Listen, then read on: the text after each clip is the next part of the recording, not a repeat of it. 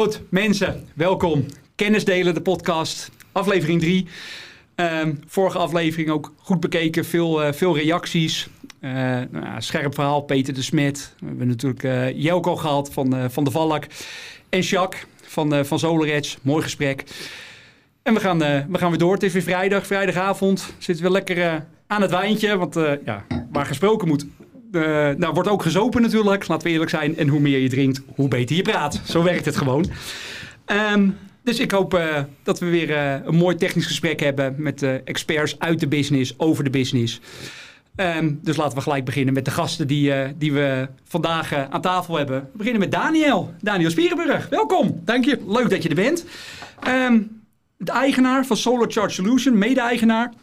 Klopt. Um, ja, ik heb jou geïntroduceerd, geïntroduceerd als troubleshooter. Want ja, je doet uh, veel. Uh, we zitten veel te appen over wat je tegenkomt in de markt en waar het verkeerd gaat en hoe je dat weer online krijgt, zeg maar.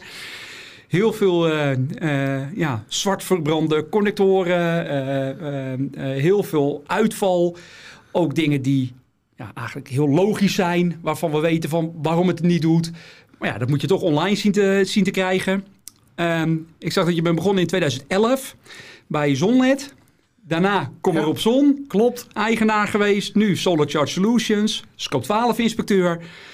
Ja, ik vind het mooi dat je er bent. Leuk dat je dat. Uh, we zitten iedere week te appen. Maar uh, ik ben blij dat je nu ook uh, aan tafel zit om ja, de kennis te delen. Dank voor de uitnodiging ja. sowieso, Dennis. En ontzettend leuk om, om hier ook te zijn en hier een stukje aan bij te kunnen dragen. Ja. mooi initiatief wat je de, nu de derde aflevering doet. En wordt zeker weer een interessant gesprek vandaag. We gaan het zien, jongen. Dankjewel.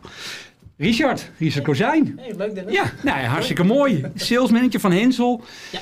Hiervoor bij Geier gewerkt, dus de, puur in de verdeelsystemen. Daarvoor zag ik bij HK Electra tien jaar lang gewerkt. Ook dat? Ja, ook dus, dus in de klemverbindingen. Klem, specialist ja, geweest. Ja, ik zag het, ja. ja. Dus jij hebt ook, uh, jij hebt in ieder geval, je loopt al een tijdje mee. Je hebt die hele duurzame business op zien komen in de verdelers.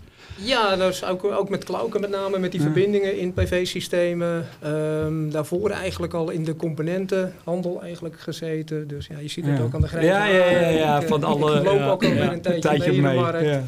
Dus uh, het is maar leuk om, om die kennis ook weer te kunnen ja. delen. Nou ja, je bent ook uh, eigenlijk alle evenementen waar, uh, waar die ik organiseer, of daar bij me thuis, ben je ook altijd graag geziene gast. Hoor. Ook van de mensen om me heen altijd veel kennis willen delen. Ik bedoel, we hebben het net over gehad. Het commerciële proberen we altijd een beetje naast ons neer te leggen. Het hoort erbij.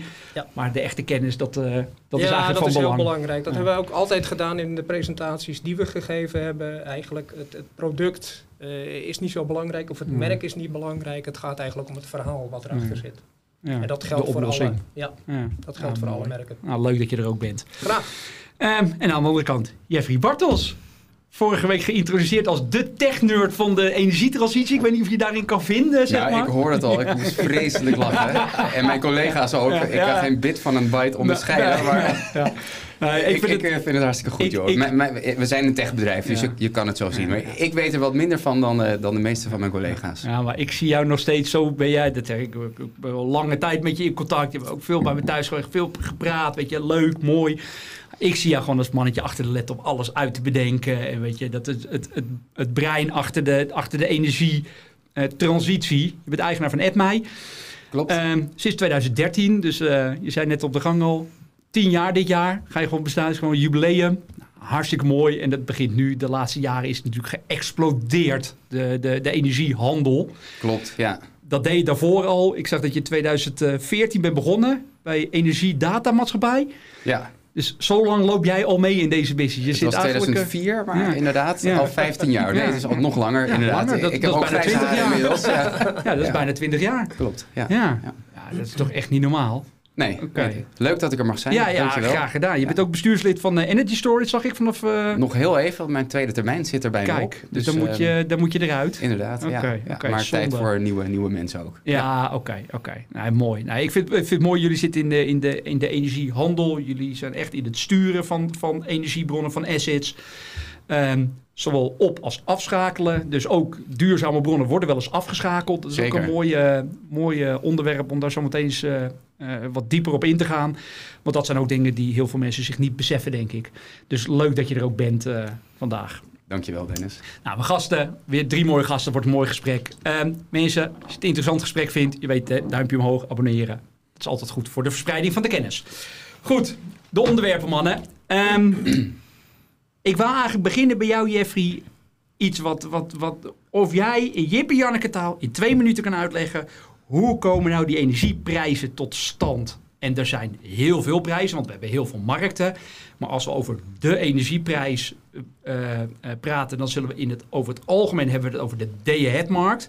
Dat is waar de, denk ik de meeste, wat het meest aansprekend is, ook door de dynamische tarieven die er tegenwoordig zijn voor particulieren. Hoe komt nou heel grof gezegd die prijs tot stand? Vertel, leg dat nou eens een beetje uit voor de mensen dat het begrijpelijk wordt. Nou, die dynamische prijzen zijn inderdaad inmiddels uh, heel erg bekend, ook bij particulieren. De prijzen die op de day-ahead-markt tot stand komen op een veiling, dus één dag voor levering, uh, ja, zijn er allerlei groothandelspartijen die zeggen, nou, ik wil voor een bepaalde prijs stroom verkopen. Aan de andere kant heb je mensen die voor een bepaalde prijs stroom willen verkopen. Nou, die orders die worden tegen elkaar aangelegd. Uh, op volgorde van goedkoop naar duur. En daar waar vraag- en aanbodcurves elkaar kruisen, ja, ontstaat uiteindelijk een zogenaamde settlementprijs, die um, dan uh, betaald wordt door de uh, koper en ontvangen wordt door de verkoper. Hele mooie, eerlijke, transparante prijs. Hè, dus voor elk uur één prijs. Mm -hmm. um, in, inmiddels heel erg bekend. Uh, maar goed, lang daarvoor heb je ook al termijnmarkten. Er zijn natuurlijk ook, ja, je kan je stroom inkopen of verkopen uh, ja, op ICE-index uh, voor, voor langere perioden, voor een heel jaar of zelfs twee jaar of drie jaar vooruit. Dat is waarom we vroeger ook jaarcontracten hadden. Ja. Want toen hadden we een jaarcontract voor energie als particulier. Ja, als particulier eigenlijk wat een, wat een stroombedrijf dan doet. Die zegt, nou, ik ga, ik ga aan Dennis stroom leveren voor een bepaalde piek- en dalprijs. En onderliggend uh, ging hij dan actief op die, op die termijnmarkt, omdat hij dan gehedged wil zijn, zo heet dat dan. Dus hij wil... Hij koopt alvast de stroom hij in. Hij koopt alvast de stroom in als ja. hij het aan jou verkoopt. En daarmee probeert hij een deel van zijn marge te lokken. Hè, want want anders loop je als stroombedrijf eigenlijk prijsrisico. Dat is ook meteen de reden dat er afgelopen nou, anderhalf jaar wel negen leveranciers zijn omgevallen. Want die hadden ja, die hedgingstrategie niet. niet goed op orde, of, of, helemaal niet zelfs inderdaad. En die dachten, nou ja, over het algemeen zijn die dagprijzen lekker laag. Dus ik ga tegen vaste prijzen op termijn stroom verkopen. En, uh, en dan, dan koop ik het zelf wel in op die dagmarkt. Ja, als dan stroomprijzen stijgen, ja, dan kom je op het moment dat je ja. je kostprijs hoger ligt dan dat je nog vangt van de, van de particuliere klanten. En dan, dan ga je nat. Maar dat zien we nu trouwens weer. Hè? Want we zien nu dat de mensen die per maand betalen, die betalen 70, 80 cent. Ja. Terwijl de dagprijzen, de hoogste uurprijs, klopt. die is daar vele malen zit die eronder. Die zit misschien wel een factor 3 eronder. Ja, dat klopt. En je merkt al als, als particulier met dynamische prijzen ja. dat je meteen profiteert van zo'n daling. Ja. Terwijl als je ja, een, een vast achtige prijs hebt. Hè? Want een ja. variabele prijs is stiekem ja. vaak vast, ook een, vast, vast voor een half jaar. Althans vroeger. Nu is het dan alweer een kwartaal. Maar er zijn natuurlijk heel veel panelen gaan schuiven de laatste half jaar. Maar die, die inkoopstrategie, zeker bij die grote energiebedrijven... Dat, dat, dat loopt dus een beetje achter de feiten aan. En in die zin is het ook een beetje lullig om nu te zeggen van... ja, ik betaal voor dit kwartaal nog een heel hoge prijs... Uh, terwijl die dynamische prijzen zo laag geworden zijn... Want als het andersom is, ja, ja, de prijzen stijgen, ja, dan, dan, heb je daar juist een klein beetje voordeel van. Ja, maar over het algemeen is het dus zo dat op die termijnmarkt die energiebedrijven actief zijn, juist om dat, dat soort prijsrisico's uh, eigenlijk te verkleinen. Uh, uh, ook als ze eigen energiecentrales hebben, kopen ze kolen in, ze kopen gas in voor het volgende jaar of volgende jaren. ze kopen CO2-rechten in, en die moet je tegenwoordig je inkopen kopen. als je fossiele brandstoffen ver verstookt. En ook daar wil je, willen ze eigenlijk marges lokken, hè, vast krijgen. Ja. Mm -hmm. uh, en dat betekent dus dat ze stroom op hetzelfde moment moeten verkopen. Ja. Uh, en, ja, dus dat is, over het algemeen kan je dus zeggen, of je het nou hebt over de dynamische, dus die, die spotmarkt, of over de termijnmarkt. Het is compleet vraag en aanbod gedreven. Ja, okay. Dus hoe hoger de vraag is ten opzichte van het aanbod, hoe, hoe hoger de prijs, prijs wordt. Heel ja. simpel. En ja. hoe meer aanbod er is ten opzichte van de vraag, hoe lager de prijs is. Ja, klopt. Dus dan zullen we nu zien, wetende dat nu het zonseizoen weer gaat beginnen, dat langzaam de prijzen zullen dan weer naar beneden gedrukt gaan worden. Als de vraag niet omhoog gaat, we gaan meer zon en wind installeren. Dat betekent dat de prijs, als de zon schijnt en als de wind waait, dat die de prijs naar beneden drukt. Want dan hebben we meer aanbod. Als je het over die spotprijzen hebt, zeker. Maar dat, dat zie je dus ook al terug in die termijnprijzen. Hè? Want, want die jaarcontracten die, die zijn in de markt dus ook al onderverdeeld in vier kwartaalcontracten. En wat je dan dus ook altijd ziet, is dat die middelste twee contracten van Q2 en Q3, die zijn altijd lager, Lager, dan die ja. wintercontracten. Ja. Dus dus eh, je kan gewoon zien dat de markt eh, rekening houdt met dat, met dat Ja. effect. Verbruik minder en de Ja. toevoer meer. Inderdaad, ja. En Ja. wat dan ook wel leuk is om te zeggen, dat het, dat het dus over het algemeen wat meer grotere fossiele energiebedrijven zijn die actief zijn op die termijnmarkt. Om de reden dat ik net zei. En, en juist eigenlijk niet die duurzame pro- stroomproducenten, omdat die eigenlijk helemaal niet stabiel produceren. Mm. Hè, Een zonnepaneel produceert alleen in de zomermaanden overdag. Eh, en wind ja, waait over het algemeen ook eh, vaak alleen maar in, in de herfst en in de winter. Dus dat maakt het heel moeilijk om je te committeren aan een vast termijn. leveringsvolume. Ja. En dus een, een langere termijn contract. En dus wat je toch vaak ziet is dat de grote stroomverbruikers en de particulieren impliciet dus actief zijn op die termijnmarkt. Terwijl juist die duurzame producenten, die hellen veel meer naar die, die korte termijn markt waarop ze hun stroom verkopen. Maar dat is dus nu ook het probleem voor heel veel fossiele jongens die nu zeg maar eh, ook gedwongen worden min of meer naar de wat kortere termijn. Want ze moeten ook de, de prijs op korte termijn gaan inschatten. Ze kunnen het niet meer langdurig hedgen.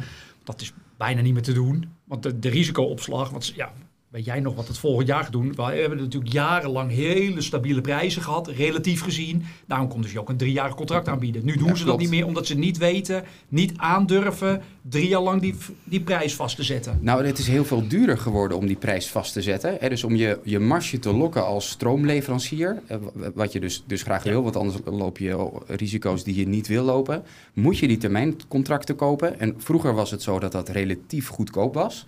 Je, je moet namelijk heel veel zekerstellingen betalen. En omdat die volatiliteit vroeger heel klein was, was die zekerstelling laag. Eh, en omdat die volatiliteit eh, Hoog nu heel hoog is, Ja. moet je ongelooflijk veel geld vooruitstorten ja, om zogenaamd tegenpartijrisico te verkleinen. En er zit dan een clearingbank tussen vaak die dat risico op zich neemt. Eh, maar dat doet hij door ja, aan die handelaren eh, eh, fee margins te vragen. Ja. Fees, maar dus ook, eh, Ja. Natuurlijk. ook, ook kapi- ook niet kapitaal. in willen spelen op eh, een langere termijn dat die grondstoffen weer gaan dalen? Dat je daardoor wat een kortere termijn gaat vastzetten, dat soort leveranciers? Nou ja, dat, dat zou ik eerlijk gezegd eh, niet weten, want die, die afwegingen maak ik zelf eh. Eh, Nee. Oké, nee, maar dat snap ik. Maar dan weten we dus dat nu, dat de, de, op korte termijn zien we dus nu eh, dat de prijzen die zijn nu, als je naar de variabele markt kijkt, dus per maand vastgezet, dat zijn vrij hoge prijzen. En ik kan me voorstellen dat jij daardoor heel druk hebt, Daniel. Kan ik me voorstellen. Want als je 80 cent, 90 cent per kilowattuur betaalt, dan komen mensen nu bij jou. Luister eens, ik wil een nieuwe installatie. Maar dat betekent ook dat er heel veel geïnstalleerd wordt. Wat, want jij je hebt een, een installatiebedrijf, je bent scope 12 inspecteur. Maar dat zeg ik, ik heb je uitgenodigd puur ook omdat jij zoveel bezig bent met die, die projecten weer online te krijgen. Jij ziet zoveel, we zijn, nou, ik wil bijna zeggen dagelijks, dat scheelt niet veel. Maar samen aan het klopt. appen van jongens, moet je nou kijken wat, wat zien we nou weer En- tegenkomen. Ja. Ja. En het hoeft niet per se onveilig te zijn, maar wel ook dingen gewoon stommiteiten van Ja. dat het uit is, dat het logisch is, dat mensen eh, opbrengst missen.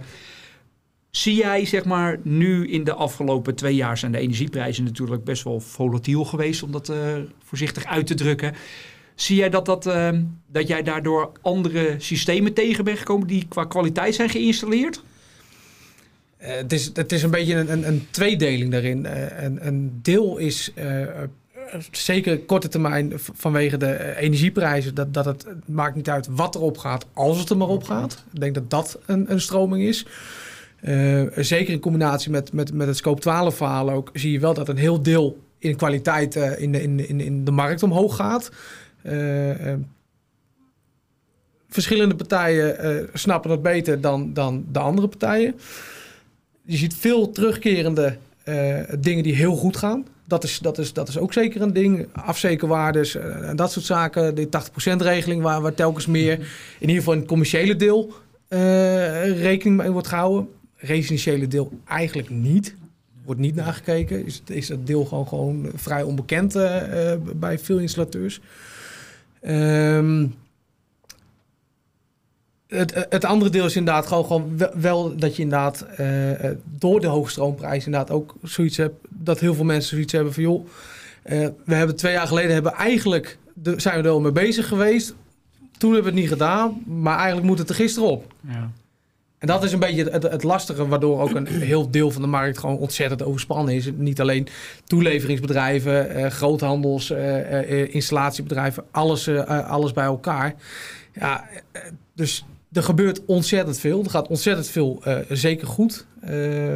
Kunnen de dingen beter? Ja, ook absoluut. Mhm. Het begint wel meer een volwassen markt te worden. Dat merk je wel. het maakt wel een de- stap. Ja. Ja, absoluut dat waar. De, de cowboys van het begin die gaan er wat uit. En je ziet nu gewoon weer de wat betere installateurs die ook dit soort dingen oppakken. Mhm. Ja, op commercieel vlak wel. Dat, Ja. Commercieel vlak ben ik het wel met je eens. Residentieel is het wat, dat betreft Nee, nog, net, nog net het Wilde Westen. Ja, nee, daar heb ik het ook niet over. Daar zitten wij gelukkig ook niet in. Nee, dus, nee, eh, nee.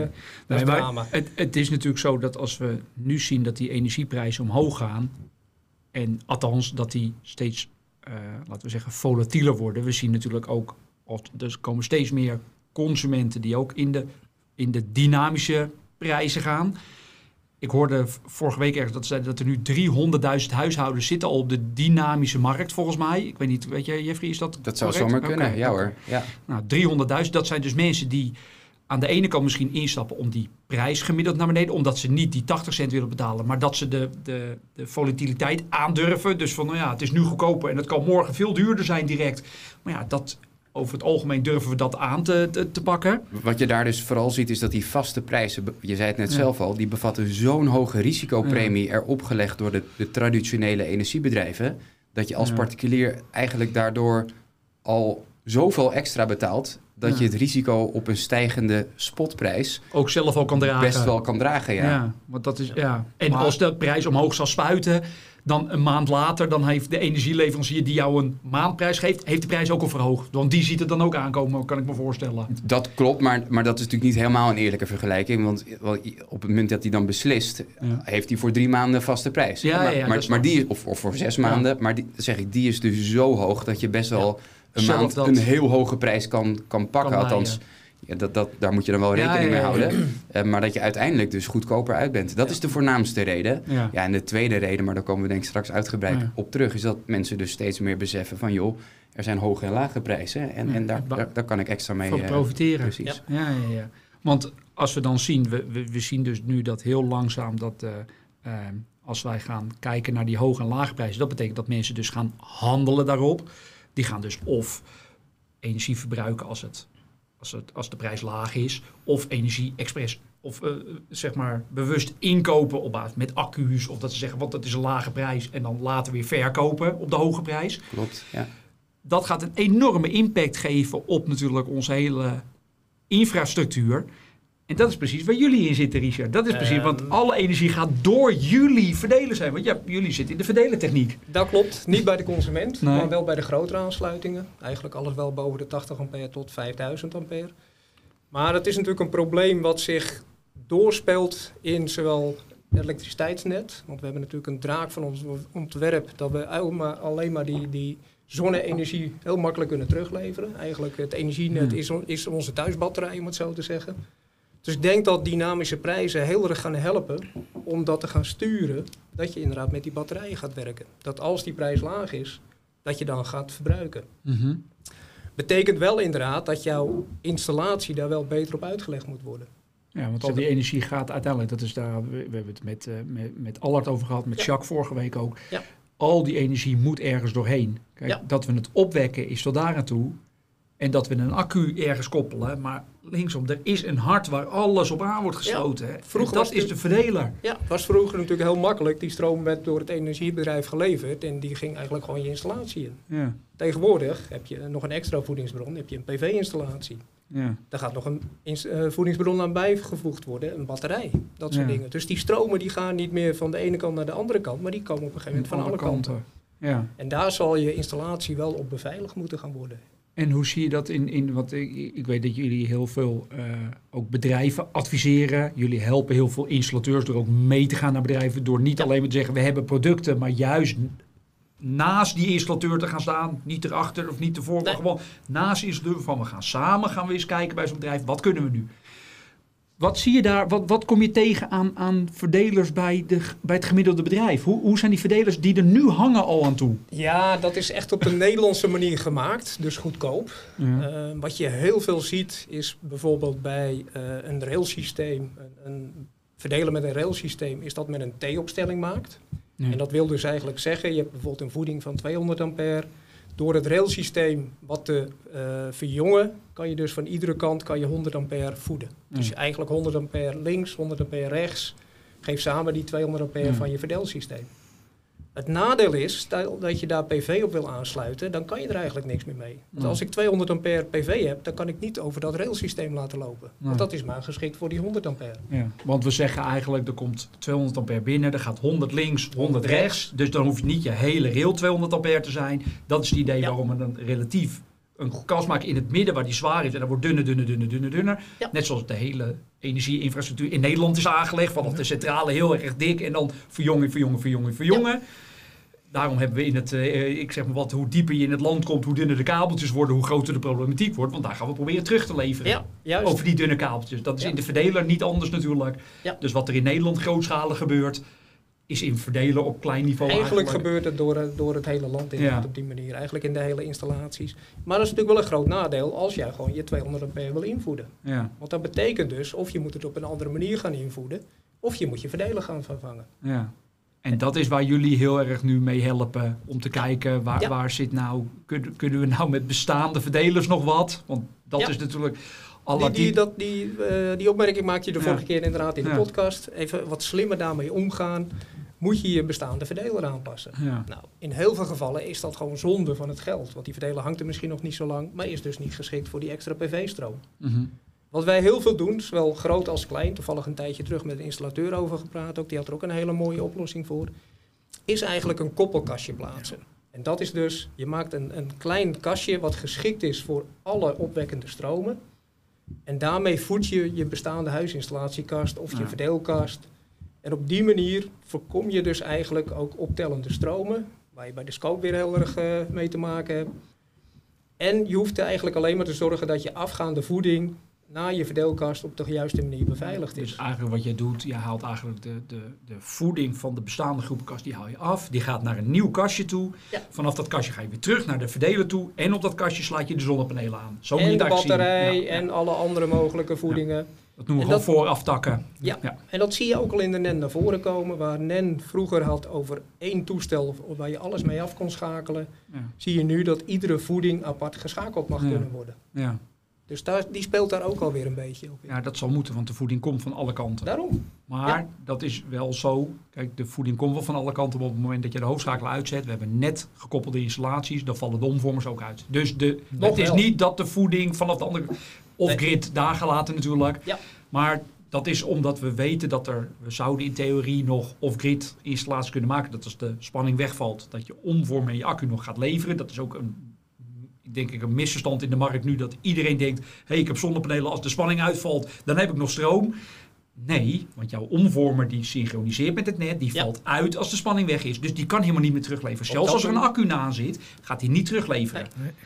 Ehm, maar dus je zegt dat, dat ehm, ik, ik snap dat er dan mogelijkheden zijn van, luister eens, je hoeft niet altijd je kast te verzwaren. Je hoeft niet je kast aan te passen. Je moet hem wel iets aanpassen, maar je gaat meer je Alleen je installatie aanpassen en Ja. niet je kast zelf. Ja. Ehm, maar ik ben nog steeds heel erg benieuwd, zeg maar, hoe gaan we nou het wat meer toekomstbestendig. Ik ben heel erg altijd van toekomstbestendig. Ik probeer na te denken, waar gaat het naartoe? En laten we daar nou eens voorbereiding op treffen. Hoeveel installateurs zijn er nu actief bezig met... laat ik die kast nou eens ietsjes anders aankleden. Dat, die, dat we wel... Want we weten dat er auto's aankomen aansturen. We weten dat Jeffrey straks accu's gaat aansturen. We weten, wordt daar al genoeg naar gekeken? Is dat Eh, niet... Waarschijnlijk door een deel wel, maar de grote groep niet. Want we zijn nog steeds, vanuit de installateur is heel erg prijsgedreven. Ja. Die kijkt alleen kosten gerelateerd. We Ja. kijken alleen maar naar die prijs. Het moet zo goedkoop mogelijk. En, en dat is natuurlijk heel jammer. De installateur zou moeten praten over oplossingen. Maar zeker bij nieuwbouw zit er ook altijd weer een aannemer tussen. Dus als die installateur maar met de consument kan praten, dan wil hij er wel Nou, oplossingen de komen. Met de Of, nou- of eindklant. het nou een consument is of een bedrijf. Of een bedrijf. Die ziet wel de voordelen. Dat zag je vroeger ook al met, met kabels. Die werden zo dun mogelijk de grond ingelegd. Terwijl als je een dikkere kabel erin legt, die verdient zichzelf in een paar jaar weer Ja. terug. Alleen, Ja. je moet dat wel verhaal kunnen vertellen bij de, bij de eindgebruiker. En dan moet dus ook, de, los van het commerciële verhaal, de kennis moet er ook zitten. Het is Dat ook de vraag, is de kennis er ook nog? Dat is natuurlijk ook een groot probleem. En heel veel mensen vinden PV toch nog steeds wat, wat angstig. Ja. Die vinden dat een eng product. Ja, er, er wordt stroom teruggeleverd, continu. En er zijn natuurlijk ook wel in het begin hele verkeerde adviezen gegeven met PV. ja, omdat er te weinig kennis was. te weinig kennis was. Maar ook nu wat je vaak ziet is dat ze gewoon een automaatje bijplaatsen in een verdeelkast. Ja. En ja, wie is daar verantwoordelijk voor? Ja. Het is, eh, Ja. is dat de, de fabrikant van de verdeelkast? Is dat de installateur? Het is misschien goed om daar gelijk weer eens wat, wat, eh, gelijk daar eens wat dieper op in te gaan. Want ik denk dat heel weinig installateurs dat beseffen. Wat gebeurt er nou als je als installateur, je komt in een bestaande installatie. Je moet PV of een accu of een auto laden of een, een kookplaat of het nou groot of klein is, maakt niet uit. En jij moet een automaatje erbij plaatsen. Dus een extra groep maken. Wat is dan de implicatie? Wat, wat zegt dat dan voor de garantie en voor de aansprakelijkheid? Ja, ja, en daar is een installateur denk ik toch te weinig mee bezig. Maar de installateur is verantwoordelijk daarvoor. Ondanks dat je hem bij iemand anders plaatst en die geeft jou opdracht van plaats wat. Ja, maar hij is wel de, de kennisspecialist, om het zo te zeggen. En hij moet wel zorgen dat hij gewoon een goed product levert. Dus hij is, laten we, als we kijken naar de letter van de norm of van de, van de wet, is hij aansprakelijk voor wat, hoe die verdeler er dan aan toe is. Ja. Dus als hij iets verandert of iets aanpast, Is hij verantwoordelijk voor de verdeler? en dan hoe lang? Is dat onbeperkt? Of, Dat is eigenlijk een hele goede, ja. Dat zal eh, de levensduur van de verdeler zijn. Of wat is dat gemiddeld in 10 jaar ongeveer? Ja. Maar dus als er in de tien jaar daarna iets gebeurt, Ja. dan is die installateur die dat, die dat, die, dat automaatje erbij heeft geplaatst, die is aansprakelijk voor de vervolgschade. Eh, zover wil ik niet gaan, juridisch gezien. Want dat is niet helemaal mijn expertise natuurlijk. Maar er is wel een ding om... om hij kan niet... Hij, ook- hij wordt het eerste aanspreekpunt door de klant natuurlijk als Ja. wat fout gaat.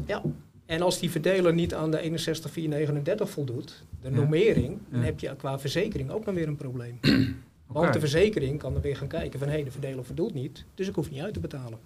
Oké. Dus die, als je aan die normering voldoet, heb je ook weer een garantie dat je eigenlijk je aansprakelijkheid terug kan leggen naar de fabrikant van die verdeler. Ja.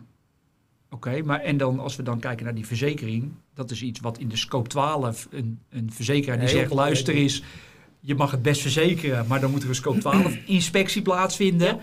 Nou, die doet Daniel. Ja. Wat zie jij dan? Want dan zie jij, zeg maar, die verdelers die zijn aangepast. Dan is het eerste wat jij vraagt waarschijnlijk, is deze verdeler wel geschikt voor wat er hier gebeurd is? Nou, dat is wel, een- wel een groot vraagstuk inderdaad tij- tijdens zo'n inspectie inderdaad. Eh, het is inderdaad van, eh, A, wat, als je al kan zien, eh, ehm, eh, als er al tekeningen aanwezig zijn, la- laten we, daarmee beginnen. Nou, dat is in, in heel veel gevallen helaas niet de situatie. Als je geluk hebt, krijg je voorafgaand de documentatie aangeleverd.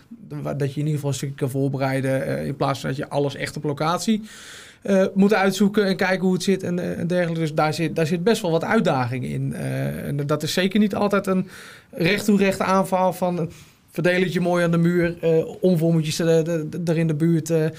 nee, daar, daar, daar zitten best wel wat, wat, wat haken en ogen aan om dat op een juiste manier ehm, ja, te beoordelen. En eh, terecht het de- het deel wat, wat Richard net ook aangeeft. Van, eh, wordt de verdeling in het midden gevoed? Wordt die links gevoed? Wordt die rechts gevoed? Eh, wat, is vervolgens het verbruik wat er, wat, wat er met, met afgaande groepen en dergelijke wat er zit? Hoe, wordt er, hoe worden de omvormers ingevoed met totaalvermogen? Al dan niet een dynamische regeling? dat soort zaken. Dus ja, dat is niet altijd een, een, een ABC'tje om dat, om dat maar eh, eh, snel en goed in kaart te krijgen. Dus daar, En daar Scope verwijst ook naar die 61439. zeker, absoluut. Dus dat is ook weer heel belangrijk, want als die daar dus niet aan voldoet, Ja. kan je ook geen goedkeuring geven erop. Klopt zeker. Maar dan, dit, dit is nog zeg maar dat we zeggen van goh, we, we weten dat PV wat gaat opwekken, we weten wat de klant verbruikt. Maar we gaan nu steeds meer naar die, dat we gaan sturen op prijzen. Dat wordt aangestuurd door partijen als Edma. Jullie schakelen ook verbruikers in en uit. Jullie gaan gewoon zeggen, hé, hey, er, is een, er is tekort energie beschikbaar. Dus dan gaan jullie assets uitzetten. Dan zetten jullie bijvoorbeeld, eh, ik zeg maar wat, eh, productielijnen stil. Of ik kan me voorstellen grote industriële processen met smelterijen. Kan ik me voorstellen. Of waar, hele, waar, waar gewoon enorm veel energie gebruikt wordt. Dat je gewoon een x aantal lijnen uitzet. Ja. Hoe, hoe, hoe kunnen jullie borgen dat het wel veilig gaat op locatie? Want jij kan wel op afstand zeggen, klik, we zetten wat uit. Maar wie borgt dan dat dat veilig gaat? Ja, dat, dat zijn inderdaad de, installateurs. Wij zijn er absoluut niet mee bezig. Want inderdaad, op, op locatie zijn er eh, soms hele ingewikkelde dingen gaande. Inderdaad, met, met allerlei verhittingsprocessen. Misschien moet ik dat eerst even zeggen. We zijn tien jaar geleden begonnen bij de grote industrie. Hè, waarbij, waarbij inderdaad grote ovens, onder andere eh, van partijen die, die maken bijvoorbeeld siliciumcarbide. En die de enorme oven, eigenlijk meer zandhopen die dan onder stroom gezet worden. Waardoor die grondstoffen smelten. Nou, er moet een bepaalde hoeveelheid energie in. Eh, maar je kan dan prima eigenlijk een kwartiertje zeggen van... nou ja, stroom is nu duur, dus dat wil ik eigenlijk niet gebruiken voor het productieproces. Zet hem even uit. Even niet Ja. verbruiken, uitzetten en die stroom terugverkopen aan de markt. En andersom, als die prijzen even heel laag zijn of zelfs negatief, hè, wat meer en meer gebeurt... dan doe je een soort overdrive Ja. en dan gaat er nog, nog meer stroom in dan er normaal eigenlijk al in gaat. Daar komen wij vandaan. Hè, we zijn zo afgezakt naar, naar kleinere installaties waar ik zelf heel trots op ben. We, we werken voor een waterschap. Waarbij we kijken van joh, hoeveel water moet er nou weggepompt eh, worden hier in Amsterdam. Waterschap Amstel, Gooi en Vecht is dat. En dan, dan houden we rekening met verwachte regenval, met kwelwater. Ehm, nou, eigenlijk eh, met verdamping, eigenlijk alles wat bepaalt of zo'n gemaal, hoe lang die aan moet staan. En als je, een als je dat dan weet, heel extreem berekenmodel er helemaal achter. er zit een behoorlijk rekenmodel Ja. achter, maar, maar ook bepaalde restricties, eigenlijk waar jij het net ook al even op de gang over had. Dus dus dan, dan is er op locatie iemand die zegt van ja, oké, dit gemaal, ja, als die aanstaat, dan moet die drie uur lang Mhm. aanblijven. Of in die oven, als die dan uitstaat, dan, dan mag die niet langer uitblijven dan, dan een uur, want dan, dan gaan dingen weer stollen en dat is ook niet goed. Hè, dus, dus wij krijgen randvoorwaarden mee, zoals die gedefinieerd zijn. Ehm, en, en waar op locatie dus die installaties binnen blijven. Hè, dus, dus dat geldt dus ook voor dat waterschap. Ja. het is natuurlijk niet de bedoeling dat op een gegeven moment de dam onder water staat. Dus uiteindelijk, als je boven is. een bepaald vlottenniveau, gaan die gemalen aan. Ja, Ja. precies. Hè, als het te lang gestold wordt, dat, dat spul, dan, dan gaat, het, gaat die machine weer aan. Ehm, maar op locatie zijn het dus mijn klanten en hun installateurs die verantwoordelijk zijn. En, en wij Jij, geven eigenlijk jij, krijgt van een buiten... band, jij krijgt een Wij bandbreedte. krijgen bandbreedtes en dan zeggen we nou binnen die bandbreedtes mag je, mag je sturen. En dan, dan is het inderdaad bij die, bij die industrie is dat ingewikkeld. Want, ja, mensen verdienen daar geld met de Mhm. producten die ze maken, dus dat heeft echt invloed. En dat komt wel meer en meer in zwang.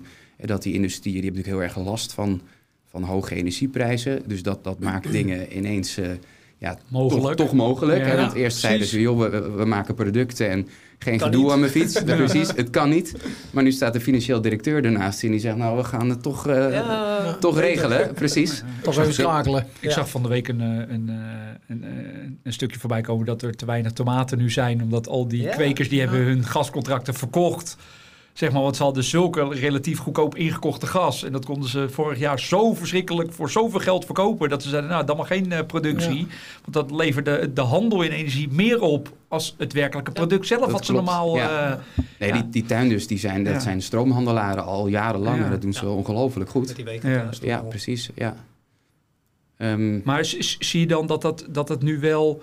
eh, dat dat ook een vlucht heeft genomen? Dat er zich meer mensen aan, aandragen die zeggen... luister, je, je mag voor mij gaan handelen... of kan je me helpen in handelen? Dat ja, ze, zeker. Kijk, dat, dat soort ingewikkelde eh, dingen, maar, maar ook, ook mensen met, met zonnepanelen en, en windturbines, eh, die krijgen meer en meer last van, van hoge onbalanskosten. Ehm, hè, dus, dus kosten die er zijn omdat de productie van zo'n installatie lastig voorspelbaar is. En in principe als je daar ja, niets mee doet en je laat de wind gewoon tegen die turbine waaien en de zon op het paneel schijnen, dan kost je dat geld. En, eh, en ja, meer en meer snappen mensen van ja, oké, er is een verdienmodel met het produceren van stroom. Maar je kan niet ongebreideld doorgaan met het neerleggen van, van zonnepanelen Nee. en windturbines. Je moet die stroom ook gebruiken op het moment dat er is. Ja. Nou, dat, dat kan je inderdaad met een, met een, met een laadpaal doen, met een, met een accu, en met een gemaal of met die industrie. Maar je kan de, de windturbine en de zonnepanelen zelf ook gebruiken om nou ja, bijvoorbeeld het net te balanceren. Ja. En, en eigenlijk is dat relatief eenvoudig. Want het komt er gewoon op neer dat je het zonnepaneel uitzet wanneer er een, eigenlijk te veel aan stroom is. En dan zeg je, nou ja, die, die leveringsverplichting die ik eerst had, en gelijksoortig aan die industrie die eerst stroom had ingekocht, het niet wilde verbruiken om het daarna te verkopen. Of met jouw tuinder en het gas, kan je andersom zeggen, nou ja, de stroom die ik eerder deed het verkocht heb hè, als, als, als zonnestroomproducent, ja. die ga ik nu niet leveren uit mijn zonnepaneel. Want, want Er op straat is het gratis. Ja. Sterker nog, ik krijg soms Geld geld, toe. toe Ja. Als ik de stroom Uitzet. koop op de Ja. markt. Ja. Ja, en dan, dan maken wij de afweging, joh, we gaan niet de stroom produceren uit een zonnepaneel, een windturbine of een biomassa-centrale. Maar we kopen de stroom in de markt en we krijgen daar voor de tweede keer geld voor. Ja. Dus zo'n zo'n duurzame producent heeft eerst, deed je het al, geld gevangen hè, op, Ja. die, op die Apex-markt voor zijn, voor zijn stroom. En op moment suprem zet hij hem uit en krijgt hij hem nog, een keer op- op die omlandsmarkt bijvoorbeeld. En dan, dan heeft hij dus geen kilowattuur. gedachte. Ja, maar kan je je voorstellen dat mensen dit niet snappen? Dat heel veel mensen Eh, niet Het snappen gaat wel ver inderdaad, dat, ja. dat als Ja. we een zonnepaneel Ja. uitzetten, dat, Ja. je er, dat je dan Geld nog dat je geld toekrijgt wat je eerst hebt gekregen, omdat we hebben gezegd, ja, ik ga het opwekken. Klopt. En dan zeggen we later, oh, Nou, jullie, toch jullie- niet. Jullie, hebben genoeg met z'n allen en dan zetten we hem uit en dan zeggen we, nou, dan krijg je nog een keer geld. Maar snap je dat dat heel... En dan is het ook nog duurzaam. Ja, precies, ook nog een keer. Nee, nee, nee, maar ik, kijk, dat is om, om het systeem te kunnen balanceren. Want als we het niet Zeker. doen, Ja. dan, dan hebben we een blackout. Dan gaat gewoon het licht uit. Het is zoals de hele- want het- is niet wat ik Product. bedacht heb hoor. Nee, nee, Maar nee, nee, hoe ik- de stroommarkt in Ja. Nederland in elkaar zit. En, Ja. en die tuiners die weten dat al jaren. Hè, je moet op bepaalde termijnen, ja, moet, kan je stroom verkopen op die termijnmarkt. Daar heb ik een dag vooruit, zelfs intraday. Ja. En uiteindelijk heb je een verplichting. Doordat je allerlei dingen verkocht hebt. En die moet je dan leveren. Hè? Ja, dus laat, dat, laat ook duidelijk zijn dat als Ja. je dit niet doet en die prijzen zijn niet negatief, dan moet je ook heel dikke boetes betaal je dan.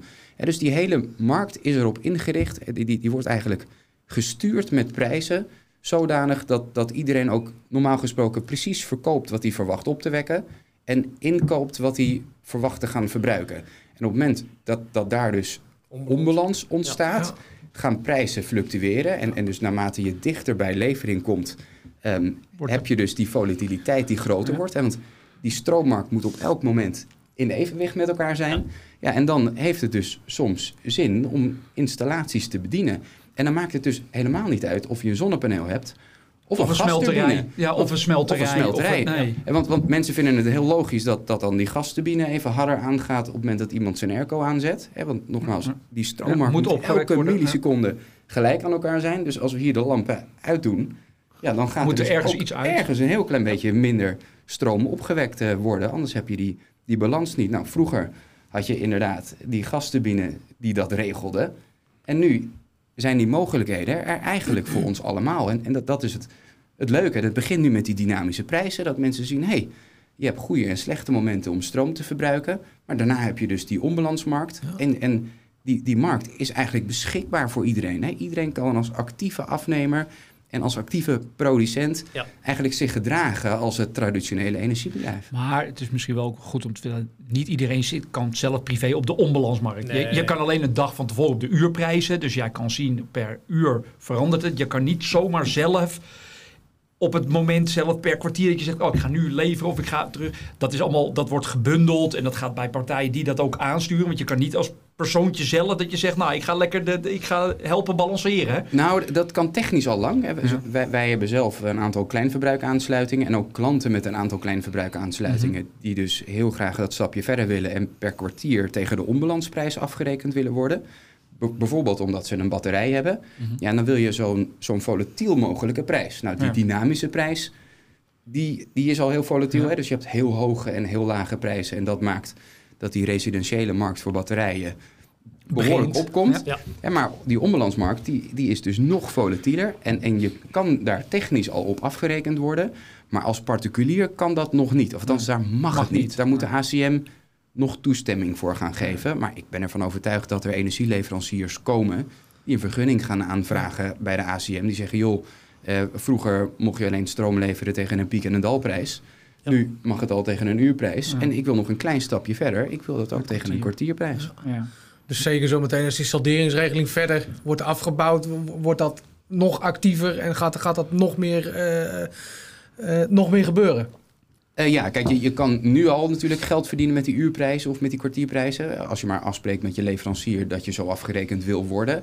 Ehm, maar er is nog die, die salderingsregeling inderdaad, die zorgt ervoor dat het voor een heel groot gedeelte helemaal niet uitmaakt Nee, wanneer precies. je precies stroom Nee. opwekt en wanneer je het verbruikt.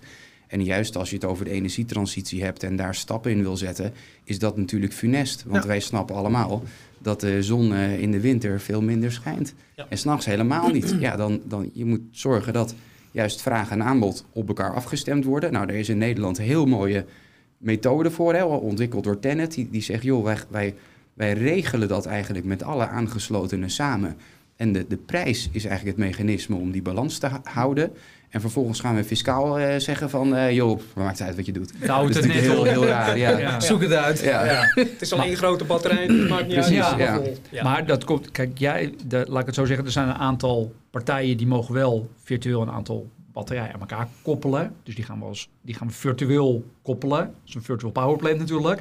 Dan kan je wel meerdere kleine aansluitingen toch min of meer, daarmee kan je helpen net balanceren. Maar dan doet die particulier zelf niks. Die zit niet zelf aan de knop. Dan krijg jij toegang tot zo'n asset als het ware. Ja, de, de, de, de batterijen die we bedienen, en dat, Ja. dat zijn er echt nog niet zoveel hoor. Nee. Ik bedoel, we, we zijn heel groot in eh, ja, zon op het dak en zon in het veld. Eh, daar, daar weten we inmiddels heel veel van. En een batterij is soms een verbruiker en Ja. soms een producent. Maar dat is lastig. Maar het idee is inderdaad dat wij eigenlijk via de, de, de leverancier van de batterij, de, de fabrikant, dat we toegang krijgen. En, en je hebt heel moderne ja, eigenlijk eh, fabrikanten van dat soort spullen, eh, ook, ook omvormerfabrikanten, die zich er bewust van zijn ja, dat, je, dat het heel goed zou zijn als we met z'n allen helpen te balanceren. Ja. En die geven dan toegang Ja. eh, via internet, via een API. En dan kan je Mm. ja, eigenlijk als, als particulier, maar, maar ook als, als zakelijke partij Ja. zeggen van joh, eh, ik, ik wijs iemand toe die het apparaat mag bedienen. Ja. En wij werken bijvoorbeeld voor ontzettend veel agrariërs. Ja, die, die mensen die zijn bezig met, eh, ja, met hun koeien bijvoorbeeld. Die, die willen echt niet bezig zijn van joh, wanneer moet ik mijn zonnepanelen aan en uitzetten? Kijk, soms, soms vinden mensen het lastig te begrijpen, hè, eigenlijk wat Ja. we net ook al zeiden. Mhm. En dan, dan en er moet soms ook wat geïnvesteerd worden in een, in een EMS, hè, energiemanagement systeem. Dat kost ook wat geld.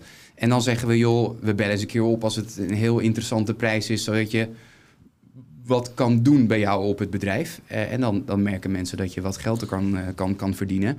Eh, dan doen ze wat zelf, maar ze hebben op een gegeven moment ook al heel snel door dat, ja, dat dat natuurlijk helemaal niet haalbaar is. Je wil dat automatiseren. Ja. En je wil ook doen wat je normaal aan het doen bent in je, in je bedrijf. En, eh, en, en Ja, dit soort doen dingen overlaten. Precies. Dingen. Juist. Nou, je ziet het bij omvormerfabrikanten, zie je het al in de techniek komen. Dat ze bezig zijn inderdaad gewoon een simpele switch in het eh, monitoringsportaal met gewoon uit, aan. eh, dat, soort, dat soort schakelingen, da- daar, daar zie ik wel dingen in gebeuren ook al. En Klopt. weliswaar nog, nog veel in, in, in testfase. Maar dat is wel een ding wat, wat aansluit op, op, op jouw verhaal dan inderdaad. Zeker. Wij, wij hebben helemaal in het begin, dat is een aantal jaar geleden, he- hebben we toegang gehad van bepaalde ja, ehm, installateurs eh, tot, tot, laat maar zeggen, installatieprogramma's van, nou ja, bepaalde omvormenfabrikant. Ik zal het dan ook niet zeggen. Maar daar misbruikten we eigenlijk zo'n knop die toch meer bedoeld Ja. was van, joh, eh, als er iets moet gebeuren Ja. lokaal, dan, dan moeten die panelen even af. Ve- veilig afgeschakeld worden. Veilig afgeschakeld worden, want we hadden Of ook wel, voor de eens, reset. ook, ook wel eens boeren die, die trokken gewoon aan de... Aan de, aan, de DC-kabels. Aan de, aan de DC-kabels en dan flats eraf. En toen zei ik, ja, ik weet niet, maar dat lijkt me niet zo Niet goed voor je. Nee, precies. Nee. Nou, en zo zijn we daar een beetje, zo zijn we begonnen, inderdaad. Gewoon eens een keer via zo'n zo'n knop, via de installateur, boep, uit. En, en, en kijk nou eens wat er gebeurt en hoeveel verdien je dan Ja, eigenlijk. precies. En dan, dan begint vanzelf het besef te ontstaan dat je ja, door een klein beetje te investeren in zo'n energiemanagement systeem, dat het helemaal automatisch kan. Maar inderdaad, er zijn tegenwoordig omvormerfabrikanten. Ik weet niet of ik ze mag noemen, Nee. maar die, die, eh, die faciliteren dat eh, heel erg goed. Zeker, ja. Ja, en daar hoeft eigenlijk niks tussen, want als je, je kan ze gewoon op afstand benaderen. Daar zit dat eigenlijk al, dan zijn ze op afstand benaderbaar. Daar hoeft er geen ander systeem tussen. Jij kan direct inloggen Klopt. Klik, en jij krijgt gewoon toegang tot Ja. die omvorm of tot zo'n tot zo'n locatie. En Ja. dan kan jij gewoon zeggen. Heel nu- simpel, Ja. heel kosteneffectief. En, eh, en, en veel van die omvormerfabrikanten, ja, die zien dat gewoon als, als service. Moet wel zeggen, het is vaak een beetje minder betrouwbaar. En zeker als je op locatie achter die aansluiting ook wat andere installaties wil bedienen, bijvoorbeeld een batterij, dan is een, een energiemanagement systeem dat eigenlijk al die installaties kan zien en aansturen. Dat is heel erg prettig. Ja. En, maar daar, daar zit dus ook veel meer toekomstmuziek in. Dat, dat is gewoon nodig eigenlijk om dat net te blijven balanceren. Je Ja, moet wel. zeker, Ik ja. zie in het buitenland al heel veel. Een van de, van de producten die in Duitsland heel veel geleverd wordt, is gewoon een vrijschakelaar. Dus Ja. dat het energiebedrijf zegt: jongens, klaar, je mag niet leveren. Ja. En dan is dit natuurlijk veel interessanter, want hier Ja. krijg je geld mee. Nou, dat zie En je in anders- Duitsland. Hè. Ja. Eh, Want daar ligt, al, daar ligt nog veel meer PV natuurlijk. eh, Ja. Daar ligt echt eh, ook enorm veel geïnstalleerd vermogen hebben die. Maar als we niet slim met datgene omgaan wat we hebben, dan gaan we ook die kant op. Want dan gaan nog op een gegeven moment de energiebedrijven gewoon zeggen, we hebben te veel en we sluiten af. Maar zal, mee. kijk, ik denk niet dat ze kunnen afsluiten. Zal het ook niet zo zijn? Want dat, dat is misschien ook wel. Kijk, de prijs, dat is denk ik de, de belangrijkste incentive. Als energie, als er te veel aanbod is en we gaan gewoon beboeten om terug te leveren. Dat hebben natuurlijk grootverbruikers, hebben dat al. Als er een negatieve prijs is, betalen ze om terug te leveren. Nou hebben we. Eh, de, de overheid heeft nu gezegd dat de terugleververgoeding voor particulier mag Ja. nooit negatief zijn. Heeft eh, om zich in Wa- waanzin. Ja, Ja, betaalt om zich dan ook de rekening? Nee, Ja. nee, Wie nee. betaalt dan de Nee, maar rekening? dat- daar hebben we het vorige week over. Dat is gewoon om het draagvlak te behouden. Ja. Want anders dan heel veel mensen die hebben met een bepaald idee geïnvesteerd en er is een bepaalde belofte gedaan en dan moet die eigenlijk gebroken worden van ja, je terugverdient tijd of ja, het is natuurlijk ook raar dat we zeggen er liggen panelen op het dak. En Nou, ja, je, zag- En ja, en er zijn momenten dat het niks waard is. Dat is Ja. al in de Ja. game. Ja. Ja. Ik denk dat je daar niet over moet liegen. nee, nee, ik, En, eh, en gewoon moet zeggen, ja joh, op dat moment is het niks waard. Sterker nog, eh, Het kost geld. het kost geld om er vanaf te komen. Dus, dus zet, zet die hand om af. Zo, ja, of zo raar vind we, ik dat we moeten meer vraag creëren. Want het is één van de twee. Het Of het aanbod eh, eh, reduceren of de vraag verhogen. Ja, je, je slaat de spijker op zijn kop. Kijk, ik zou natuurlijk willen dat je... De vraag verhogen, De- vraag je die weg te gooien. Ja, precies. En, en dan ook nuttig verhogen. Hè? Want, want wat je ook, ook niet wil, is dat je, dat je die, die stroom misschien eh, verstookt. Maar er zijn natuurlijk zat processen denkbaar... die je zodanig kan aansturen... dat je vooral stroom verbruikt op, op zo'n moment. En dan kan je natuurlijk niet zeggen... ja, ik laat de treinen in Nederland rijden... op het moment dat er een windvlaag komt... en ik stop het even op het moment dat er een, een kolencentrale aan moet... of een gascentrale. Dat kan natuurlijk niet. Dat snapt iedereen. Maar, maar jij wil niet weten wat, wat voor flexibel vermogen, hè, want dat, dat is een beetje dan de term die gebruikt wordt in onze sector. Wat voor flexibiliteit er is bij heel veel industrieën, maar, maar ook bij de mensen thuis, hè, met een elektrische het boiler. Gaat, het gaat ook weer om die balans. Want je kan wel zeggen, we gaan die vraag verhogen, maar kan het net dat op dat moment ook weer Ja, aan kan- natuurlijk. kunnen we transporteren? We kunnen het wel vragen, hè, maar Klopt, ja, dat, Wordt dat, als is het verbruik zoveel toeneemt, kunnen we het ook niet meer kwijt. Ja. Dat, dat zie je ook al gebeuren. Ik ben toevallig eh, in december bij een eh, presentatie geweest van het NKL. Dat is eh Nederlands Kenniscentrum Laadplein. En daar zag je in de stad Rotterdam, dat is bij 250 huishoudens, er kwamen 100 auto's 's middags aan, elektrische auto's. Die pluggen allemaal in en al die trafo's in de wijk gaan de ziekte Ja, in. ja. Dus we kunnen wel die eh, vraag meer creëren, maar we kunnen die ook niet aan. Nee, maar daar zie je dus ook weer dat die hele netuitbreiding, dat dat is ook een van de bottlenecks. Maar goed, al zitten we op die koperen plaat, al liggen er overal Ja. zulke kabels naar alle woningen. Is het nog niet genoeg? Dan is het de vraag, gaan we dan ook niet, hebben we dan genoeg flexibel vermogen? Flexibel aanstuurbaar, want we, je kan bedenken dat warmtepompen aangaan op het moment dat er veel overschot is. Laat ze Ja. alvast wat bufferen. Ja. Dan moeten we wel weer kijken, kan dat? Kan je die warmte kwijt in een woning? Weet je, want dat, daar zit ook een, je wil ook niet dat je een woning eh, tot 25 graden Nee. opstookt. Omdat we dan zo lekker goedkope stroom hebben natuurlijk. Ja, Nee. ook ook daar, gratis. nee, dat, dat gaat natuurlijk ook niet. Maar er zal iets van een balans tussen moeten. Maar Ja. Meten, meten sturen gaat heel belangrijk. Opslag en waterstof? ja, Alles wat over is, waarom Ja. niet? nou, ik denk, Kijk, het, is ik- het, het, ja. het, het stuk met elektrisch rijden is natuurlijk prachtig. En een ontzettend, eh, ontzettend mooi, mooi concept. Vrachtwagens op, op accu's. Ze zijn er, maar... Ja, dat, dat zal bestaan. Alleen, dat is voor de laadklep. Action doet het voor de laadklep. Er liggen paneeltjes op en dan zeggen dat is om de laadklep. eh, Het is, eh, hetzelfde als de hybride auto's van Ja, vroeger. ja. Een dikke Audi, maar eh, 35 kilometer Ja. op een batterij. Ja, Ja. dat eh, gaat hem ook niet worden natuurlijk. Nee, maar het is terecht natuurlijk dat, dat het de vraag is van hoe ver gaan we, eh, eh, krijgen we het voor elkaar om die groei aan, eh, laten we zeggen, eh, weersafhankelijke opwek, kunnen we dat nog ergens aan flexibele sturingen integreren. En dat komt dan neer dat iemand moet het aansturen, het moet ergens doorheen, het moet geïnstalleerd worden.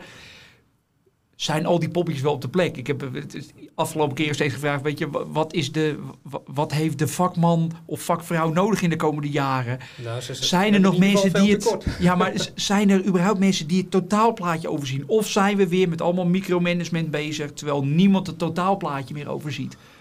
Ja, dra één. draai het verhaal om, Dennis. Het, het, het verhaal DC, AC, eh, eh, constructiebouw, alles bij elkaar in het hele verhaal is natuurlijk ook een redelijke hap. Hè? Ja. Ja.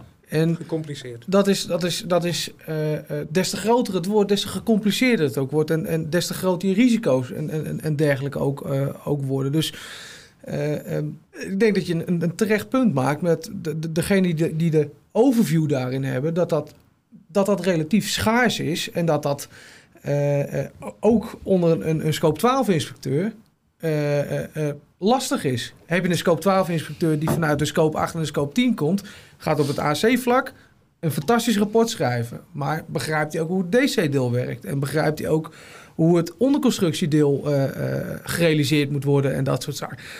Dat zijn voor mij dingen waar, waar ik echt... We doen best wel wat herstelwerkzaamheden en, en, en dingen ook. Eh, ehm, en, en als ik een rapport ontvang, het zegt me niks.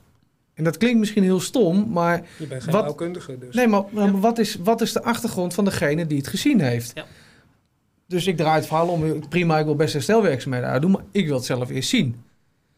En dan zie je, joh, die, dit is een inspecteur geweest die het hele setje heeft begrepen, of die maar een stukje van het setje heeft begrepen. En letterlijk gewoon, gewoon, gewoon eh, klemmen niet op panelen, eh, zij, zijplaten en, en dergelijke niet op. Geen, geen constatering in het rapport, niks. Nee. Omdat ze blijkbaar dus alleen maar De met... kennis niet hebben. Ze weten niet hoe wordt zo'n installatie opgebouwd. Ze kijken en ze denken, nou, het ziet er mooi uit. Nou, Ja. zo, zo kan ik ook een auto beoordelen. Ik zeg altijd, als hij naar de APK gaat, kan ik zelf ook. Want dan kijk ik en denk, nou, hij ziet er goed uit, toch? Ik bedoel, hij rijdt nu ook nog steeds goed. Het is alleen de vraag, heb je genoeg kennis? En dat is het vakmanschap natuurlijk. Kan, kan je aan, En aan de een ervaring natuurlijk ja, ook. Ja, ervaring. Maar erva- vakmanschap, dat is ervaring. Ja. Dat is niks anders. Vakmanschap is niet in één of twee dagen natuurlijk. Dat is het hele probleem wat we zien. We hopen vakmannen op te leiden in twee dagen. Het, is natuurlijk, het, nee. het gaat natuurlijk nergens over. Ik bedoel, als we Ik, ik zie toch een beetje twee, twee dingen eigenlijk. Laat maar zeggen, de, de wisdom of the crowd, om het zo maar even eh, hip te zeggen. Ju- Juist doordat die dynamische prijzen, nou, je zei het al, 300.000 aan. Ja, ja Particuliere ja. klanten hebben dat. Nou, LinkedIn staat ineens vol met mensen die zeggen... Ja. jeetje joh, ik, eh, ik, ga mijn, ik ga mijn fiets eh, opladen tussen 12 en 1 op zondagmiddag. Er is ongelooflijk veel mensen die hier nu mee bezig zijn. En, en dus werken aan eigen kleine energiemanagement systeempjes... Die, die ook voor particulieren gebruikt worden. Het is waanzinnig wat daar verzonnen wordt. Aan de andere kant heb ik zelf ervaren... want wij, hebben ons kantoor verbouwd van het gas af... en een grote warmtepomp inderdaad naar binnen... met een groot buffervat met het idee van... nou, die, die gaan we aansturen. Nou, eigenlijk een beetje eh, het verhaal wat we net vertelden. Maar ik merkte dat om daar een installateur te krijgen... die een beetje met ons meedacht en, en, en snapte van... ja, oké, hoeveel warmte is er dan nodig? En, en hij vertelde, ja, oké, ik heb een bepaalde warmtevraag... maar dat wil ik dus compleet lostrekken van mijn stroomvraag... Want ik, ik wil de stroom eigenlijk vragen wanneer ik dat zelf wil. Ja. en, en, de, En de bufferen, warmte, en, de, ja. en, en bufferen, zodat Precies. de warmtevraag er is wanneer mensen warme voetjes Ja. willen hebben op kantoor. Nou, dat, dat meedenken, die, die gasten die hadden helemaal geen zin in, joh. Die kwamen naar, naar, naar binnen en die, die hingen de warmtepomp op. En eh, die Ja. dachten, nou, eh, mijn vierkantjes 20.000 klaar. euro en eh, hup, naar de volgende. Ja. Dus, Maar dat dit- is het dus ook, ik merk twee compleet verschillende dingen Want wat eigenlijk. ik ook recent hoorde was, als we iedereen op een warmtepomp willen hebben. Eén, we hebben de materialen niet, maar we volgens mij zijn we 200 jaar bezig of zo. Dus Nou ja, Dat is volgens het mij, volgens mij als, we, als we van het gas af moeten, heb ik wel eens gehoord, moet je, moet er iedere 19 seconden moet er een gebouw in Nederland moet er, eh, van het gas af. Dus iedere 19 seconden. Dus, en dan niet alleen een woningje, maar ook gewoon, daar zitten ook gewoon eh, scholen bij, er zitten bedrijven bij, er zit, autodealers zitten erbij. Iedere 19 seconden weer eentje. Nou ja, hoeveel dagen hebben we nu verspeeld? Hoeveel zullen er nu eh, sinds het begin van ons gesprek van het gas af zijn gegaan? Ja, ik denk nul. Nou ja, bu- en buiten dat. Eh, Ja, misschien. je, voor nieuwbouwhuizen hartstikke mooi. Maar voor, voor, voor een, een mooi niet ge- of slecht geïsoleerd huis uit 1920, ja, goede wedstrijd. Ja. Nee, maar goed, eh, kijk, het gaat er ook om wat, wat er wel mogelijk is. Al zouden we alleen maar de... de eh, dat, dan begrijp ik dus dat als we, laten we zeggen, als de prijzen volatieler worden en we kunnen daarop gaan sturen. Het enige is, je, je gaat mensen of zelf dwingen dat ze bezig zijn met energie, waar ze nooit mee bezig zijn, want was dat Nou, maar ze worden erin. gedwongen door de prijs Ja. nu. Want dat, dat is wat we zien. Ook gewoon, ik bedoel, wij proberen dan wat slimmere dingen te doen. Maar ook gewoon besparen. Minder stroom verbruiken. Ja. Het is waanzinnig wat wij zien bij onze klanten. Hè, bakkers, slagers, oké, die, die, die mensen hebben het ook ontzettend moeilijk. Maar, maar als ik zie ook wat ze door toch gewoon even na te denken van... joh, kunnen welke besparen. installaties heb ik nou naast elkaar staan? Moeten ze eigenlijk wel alle drie tegelijk aan? Kan ik door niet bepaalde ingrediënten zus en zo doen en hutse Ja. fluts? Dan, dan voordat je het weet is het 30% bespaard. Ja. Ja. Ja, en ik kan me toch ook niet aan de indruk ontwekken dat het voorheen eigenlijk niks uitmaakte. Nee. nee, maar als de prijs goedkoop En, is... en, en nu Ja, denken ze van, eh, oh Ja. jee, ik kijk elke maand die factuur. Ik Ja. ga gewoon actief bezig. Mensen Ja, doen, maar dat is het- truien aan nu notabene. Ja. Ja, Maar dat, is het ding, als de prijs 300% stijgt... dan ga je wel. En op moet het moment dat je dat, Ja. dat je dat eerder niet had, had je in die tijd ook waarschijnlijk die 30% kunnen besparen. Ja. Had je ook een, stukje, stukje effectiever kunnen werken, centje in je zak houden, noem het allemaal maar op. Maar nu is het meer noodzaak, dus gaat er, Dat gaat er onderzoek gepleegd 30% worden. van een heel groot bedrag is natuurlijk ook een heel groot Ja. bedrag. Dat klopt, Ja. ja. ja. Maar Ja, Dan dus geef die je nog prijs steeds is een heel uit. erg sturend in die... Dan geef je nog steeds het dubbel uit. Ja, dat wel. Maar het scheelt natuurlijk een hele besparing. Zeker. Ja, zeker. Maar dat ga je dus nu zien. Want eh, natuurlijk wordt die prijs, die wordt nu natuurlijk, die is, die is door het dak gegaan. Nu is hij gelukkig weer een beetje dalend. En hij is eh, lager weer. Als Heel het in- laag. Ja. Die, die, die, die, die piek die is gelukkig nu weer er even af voor mensen. Ehm, maar je ziet wel dat mensen natuurlijk uiteindelijk zijn de mensen die niet kunnen sturen, die geen beslissingen kunnen nemen over het verduurzamen. Als jij in een, in een, ik zeg maar wat, in een huurwoning zit, als jouw huur, jouw verhuurder niet verduurzaamt, ja, dan zit je gewoon. Dan, dan kan je nog, dan kan je wel dynamisch contractje afsluiten. Maar ja, dan ben je met energie bezig. We gaan natuurlijk, we moeten meer er naartoe dat het wat meer automatisch gaat, denk ik. Dat mensen minder bezig zijn. Dat ze toch geholpen worden. Maar zal het ook niet zo zijn dat als we steeds, als we nu al zon af en toe uit moeten schakelen omdat het te veel is. Wat gaat er dan gebeuren als we nog keer vier, keer vijf, keer zes moeten? Tot 2030 alleen al. Die prijzen worden steeds negatiever. Komend weekend wordt het zonnig en, en winderig, terwijl we leven nog niet eens in maart. Nou, daar gaan we al. Ik geef je op een briefje. En dat wordt erger en erger. Maar dat maakt dus de prikkel om slimmigheden te verzinnen Ja, steeds groter. en steeds groter. En dat betekent dus voor de eigenaar van het paneel om hem even uit te zetten en die stroom tegen die enorm negatieve prijs terug te kopen. En, en voor agrariërs om dan op dat moment juist die boiler alvast aan te zetten, zodat de melk verwarmd kan worden. En dus dus de, de prikkel om, om slimme dingen te doen, om je auto te laden op dat soort momenten, wordt alleen maar groter. Groter. En eh, ik, ik maak me daarom ook helemaal geen zorgen. Dat gaat gebeuren. Ja. Maar dat, dat betekent dus dat die, die, dat amendement om negatieve prijzen zeg maar, te voorkomen, dat is eigenlijk contraproductief. Want die, die prikkel wordt eruit gehaald om... Door nu het salderen. Ja, nou, door ook het door salderen, maar, maar, ook, maar ook door dat soort overheidsingrijpen. is het geen vrije markt meer. Het is geen vrije markt meer. En, en ehm, daar maak ik me dan wel zorgen over. Eh, goed, ik heb er kort geleden nog contact over gehad met Tennet. Hè. Dus, dus als je als overheid ingrijpt in een markt die, die goed werkt... ehm, ehm, zou het best wel eens kunnen dat, dat die balans helemaal niet zo goed gehandhaafd meer kan worden. Ja. Hey, het is er juist op ingericht dat de balans er is, juist omdat die prijzen er zijn. En op het moment dat je dingen afkapt en mensen... eh, ja, voor zo'n duurzame stromenproducent, die, eh, die moeten heel veel belasting betalen. Als je meer dan 130 euro per megawattuur betaalt, dan, eh, dan heb je gewoon pech. Dan eh, lever maar weer in bij de overheid. Ja. Ja, dat, dat lijkt ons absoluut geen, eh, Maar dat geen, is weer geen het zaak. eenzijdig bekijken van één visie uit eigenlijk. Het gaat alleen maar om het niet negatief krijgen voor de, voor de consument. Terwijl je eigenlijk weer naar het hele plaatje moet kijken. Klopt, Waar je het ja. begin ook al over had. Ja. Overzie je het hele plaatje. Nou ja, en als we echt duurzaam willen opwekken, dan zullen we gewoon. Het was, het was de, gisteren of eergisteren weer het nieuws, een NOS-berichtje. Als er meer, als er veel zonne-wind is, ga alsjeblieft, zeiden ze tegen bedrijven, Ja. je stroom verhogen. Ga ja. alsjeblieft verbruiken. Kijk of je je proces kan verbeteren. Ze hadden er ook bij moeten zeggen, als er nou weinig zon en wind is, ga dan alsjeblieft wat minder doen. Want ja, anders moet die stroom toch nog door die centrale worden opgewekt natuurlijk. Dat is natuurlijk, dat, dat durfden ze er niet bij te zeggen, want dan, we willen alleen maar meer, meer, meer. Nou is dat natuurlijk ook niet mogelijk, want we kunnen niet processen maar blijven opdrijven als er veel zonnewind is. Ja, dan moeten we ook afschakelen als er geen zonnewind is. Nou, niks moet, hè. Je mag Nee, ook besluiten ja, om op dat moment prijs- gewoon te verbruiken. Ja. Maar dan weet je, oké, er wordt nu heel duur gas verbrand. En nog duurdere CO2-prijzen erbij Ja. gekocht. Ja. Nogmaals, die moet je als, als fossiele centrale erbij kopen. Ja, en dat is dus een Heel hele duur. kilowattuur. Ja. En eh, ja, je hebt altijd een keuze. Je, je kan dan zeggen, ik, ik wil het toch. Ja. Eh, of niet. Kijk, en sommige, ik weet wel, soms is het moeilijk. Ik, treinenvoorbeeld gaf ik al. Eh, dus je, je kan het niet tot extreme doortrekken. Maar, maar ik denk dat er in Nederland zo vreselijk veel flexibiliteit te vinden is. En die gaat ontgonnen worden, juist doordat die prijzen zo extreem hoog Ja. en zo extreem negatief gaan Door worden. die grote verschillen. Ja, Ja. Maar kunnen we dat bij consumenten op het bordje blijven leggen?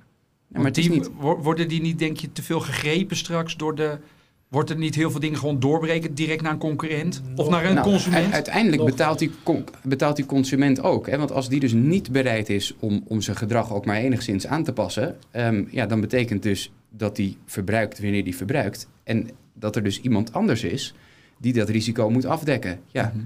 hoe doet hij dat dan? Ja, door gewoon hele dikke prijzen te rekenen. Ja.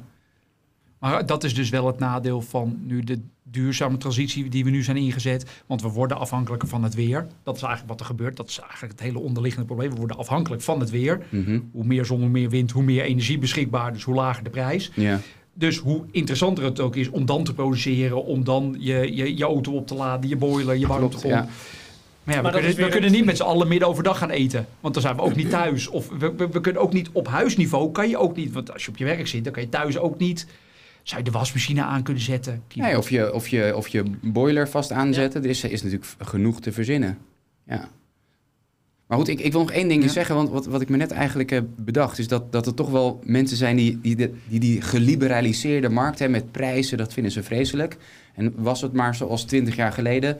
dan hadden we die hoge prijzen niet gehad. Dat, hoor jij dat wel eens, Dennis? Ja, ja, dat wordt natuurlijk. Ja, terwijl ik denk, dat lijkt mij een beetje onzin. Ik, bedoel, ik ben ook geen specialist liberalisering.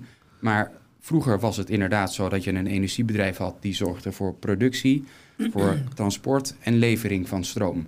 Nou, die productie die was twintig jaar geleden ook heel duur geweest... op het moment dat Poetin de gaskranen ja, dicht had gedraaid. Dus dan denk ik, dat heeft helemaal niks te maken met dat je nu een vrije leveringsmarkt hebt. Ik, ik vind dat altijd heel... Maar eh, wo- wordt nee. energie nou uiteindelijk goedkoper door zon en wind over het geheel gezien? Of is het Eh, omdat de... A- Zoals we het nu doen, wordt die duurder. Ja, want nu door de, de, op het moment dat we geen zon en wind hebben, dan gaat de prijs wordt alleen maar extremer omhoog. Ja. Hoe zit dat in het gemiddelde dan? Zijn we er nou op vooruit gegaan of niet? Zoals we nu, door, zoals we nu bezig zijn. Ja, ik ben geen voorstander van gemiddeldes. Ik, ik denk dat je gewoon moet accepteren dat er goede en slechte momenten zijn. En als je dus in staat bent en bereid bent om je gedrag aan te passen naar Nou, duurzaam ja. verbruiksgedrag, dan ga je ook nog geld verdienen. Dat is het mooie eigenlijk in onze sector. Hè? Vaak is duurzaam duur. Ja.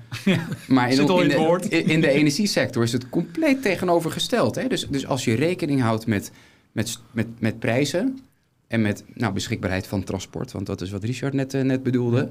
Eh, en als je daarop anticipeert, ja, dan ben je spekkoper. En als je zegt, nou ja, eh, het maakt mij geen fluit uit. Ik ga liever spullen produceren, omdat ik denk dat, eh, dat ik daar meer voor krijg. Nou, dat is dan prima. Maar dan betaal je dus De hoofdprijs. ook Ja, hogere precies. prijzen. Ja.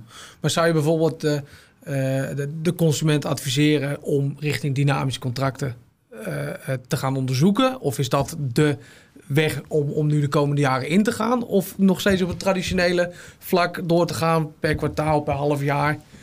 Ja, je stelt de vraag aan de verkeerde. Ja, ja, dat weet- dat weet ik, Mega voorstander van dynamische prijzen. Daarom ja. stel ik hem ook. Ja. Ik vind het ontzettend interessant. Alleen, de- Nee, het zijn Eh, dus twee dingen. Je, je betaalt, het alternatief is tegenwoordig vreselijk duur geworden. Kijk, kijk, vroeger zei ik van joh, het zijn appels met peren. Hé, je, je, je, het is een beetje net zoals je hypotheekrente. Ja, Ja. Ik, ik heb een hypotheekrente die 30 jaar vaststaat, omdat ik acht jaar geleden dacht, ik ga ondernemen en ik doe dit en ik doe dat, allemaal risico's. Nou, dan ga ik dus niet met mijn hypotheek doen. En terwijl mijn compagnon, die is al wat verder en die dacht, eh, nou ja, die, die Euribor dingen, dat is lekker goedkoop. En die, die, die heeft daar jaren op gezeten. Nou, die heeft dus jarenlang van extreem lage en zelfs negatieve rentes eh, geprofiteerd. En, en, en ik niet. Ik, ik heb een hoge rente. Maar ja, op het moment had geen dat, risico. dat- ik had ook geen Ja, risico. want nu, de, nu die rentes weer stijgen, ja, ik zit nog lekker even goed in mijn huis. Dus datzelfde geldt eigenlijk op die stroommarkt. Als, als, je het, als je een eventueel hoge prijs voor een, een langere periode ne- niet trekt, dan moet je het niet doen. Dus dat, dat was vroeger eigenlijk een heel duidelijke afweging. En dan kan je nog met statistieken kan je naast elkaar leggen van... joh, zo, zo liggen die verhoudingen. kan je heel goede afweging maken. Hangt er dan ook nog een beetje vanaf wat je doet met die stroom. Want als je het door kan berekenen, dan, dan is het natuurlijk iets anders dan, eh, dan, dan wanneer dat, dat niet zo is. Maar oké. Ehm, maar nu is het zo dat die, dat die vaste prijzen eigenlijk zoveel hoge premies bevatten... Ja, dat dat, dat eigenlijk al eh, bijna eh, geen, geen argument meer is. Ja. En dan zou ik inderdaad dan heel snel... moet je nog wel wat kunnen doen met die stroom overdag bijvoorbeeld. Als jij alleen maar in de avonduren wat afneemt en in de ochtenduren, dan zal dat weer minder interessant zijn als dat je zegt, ik heb een dagtijd. Ja, maar dat is het risico, het risico, de risicoprofiel is eruit.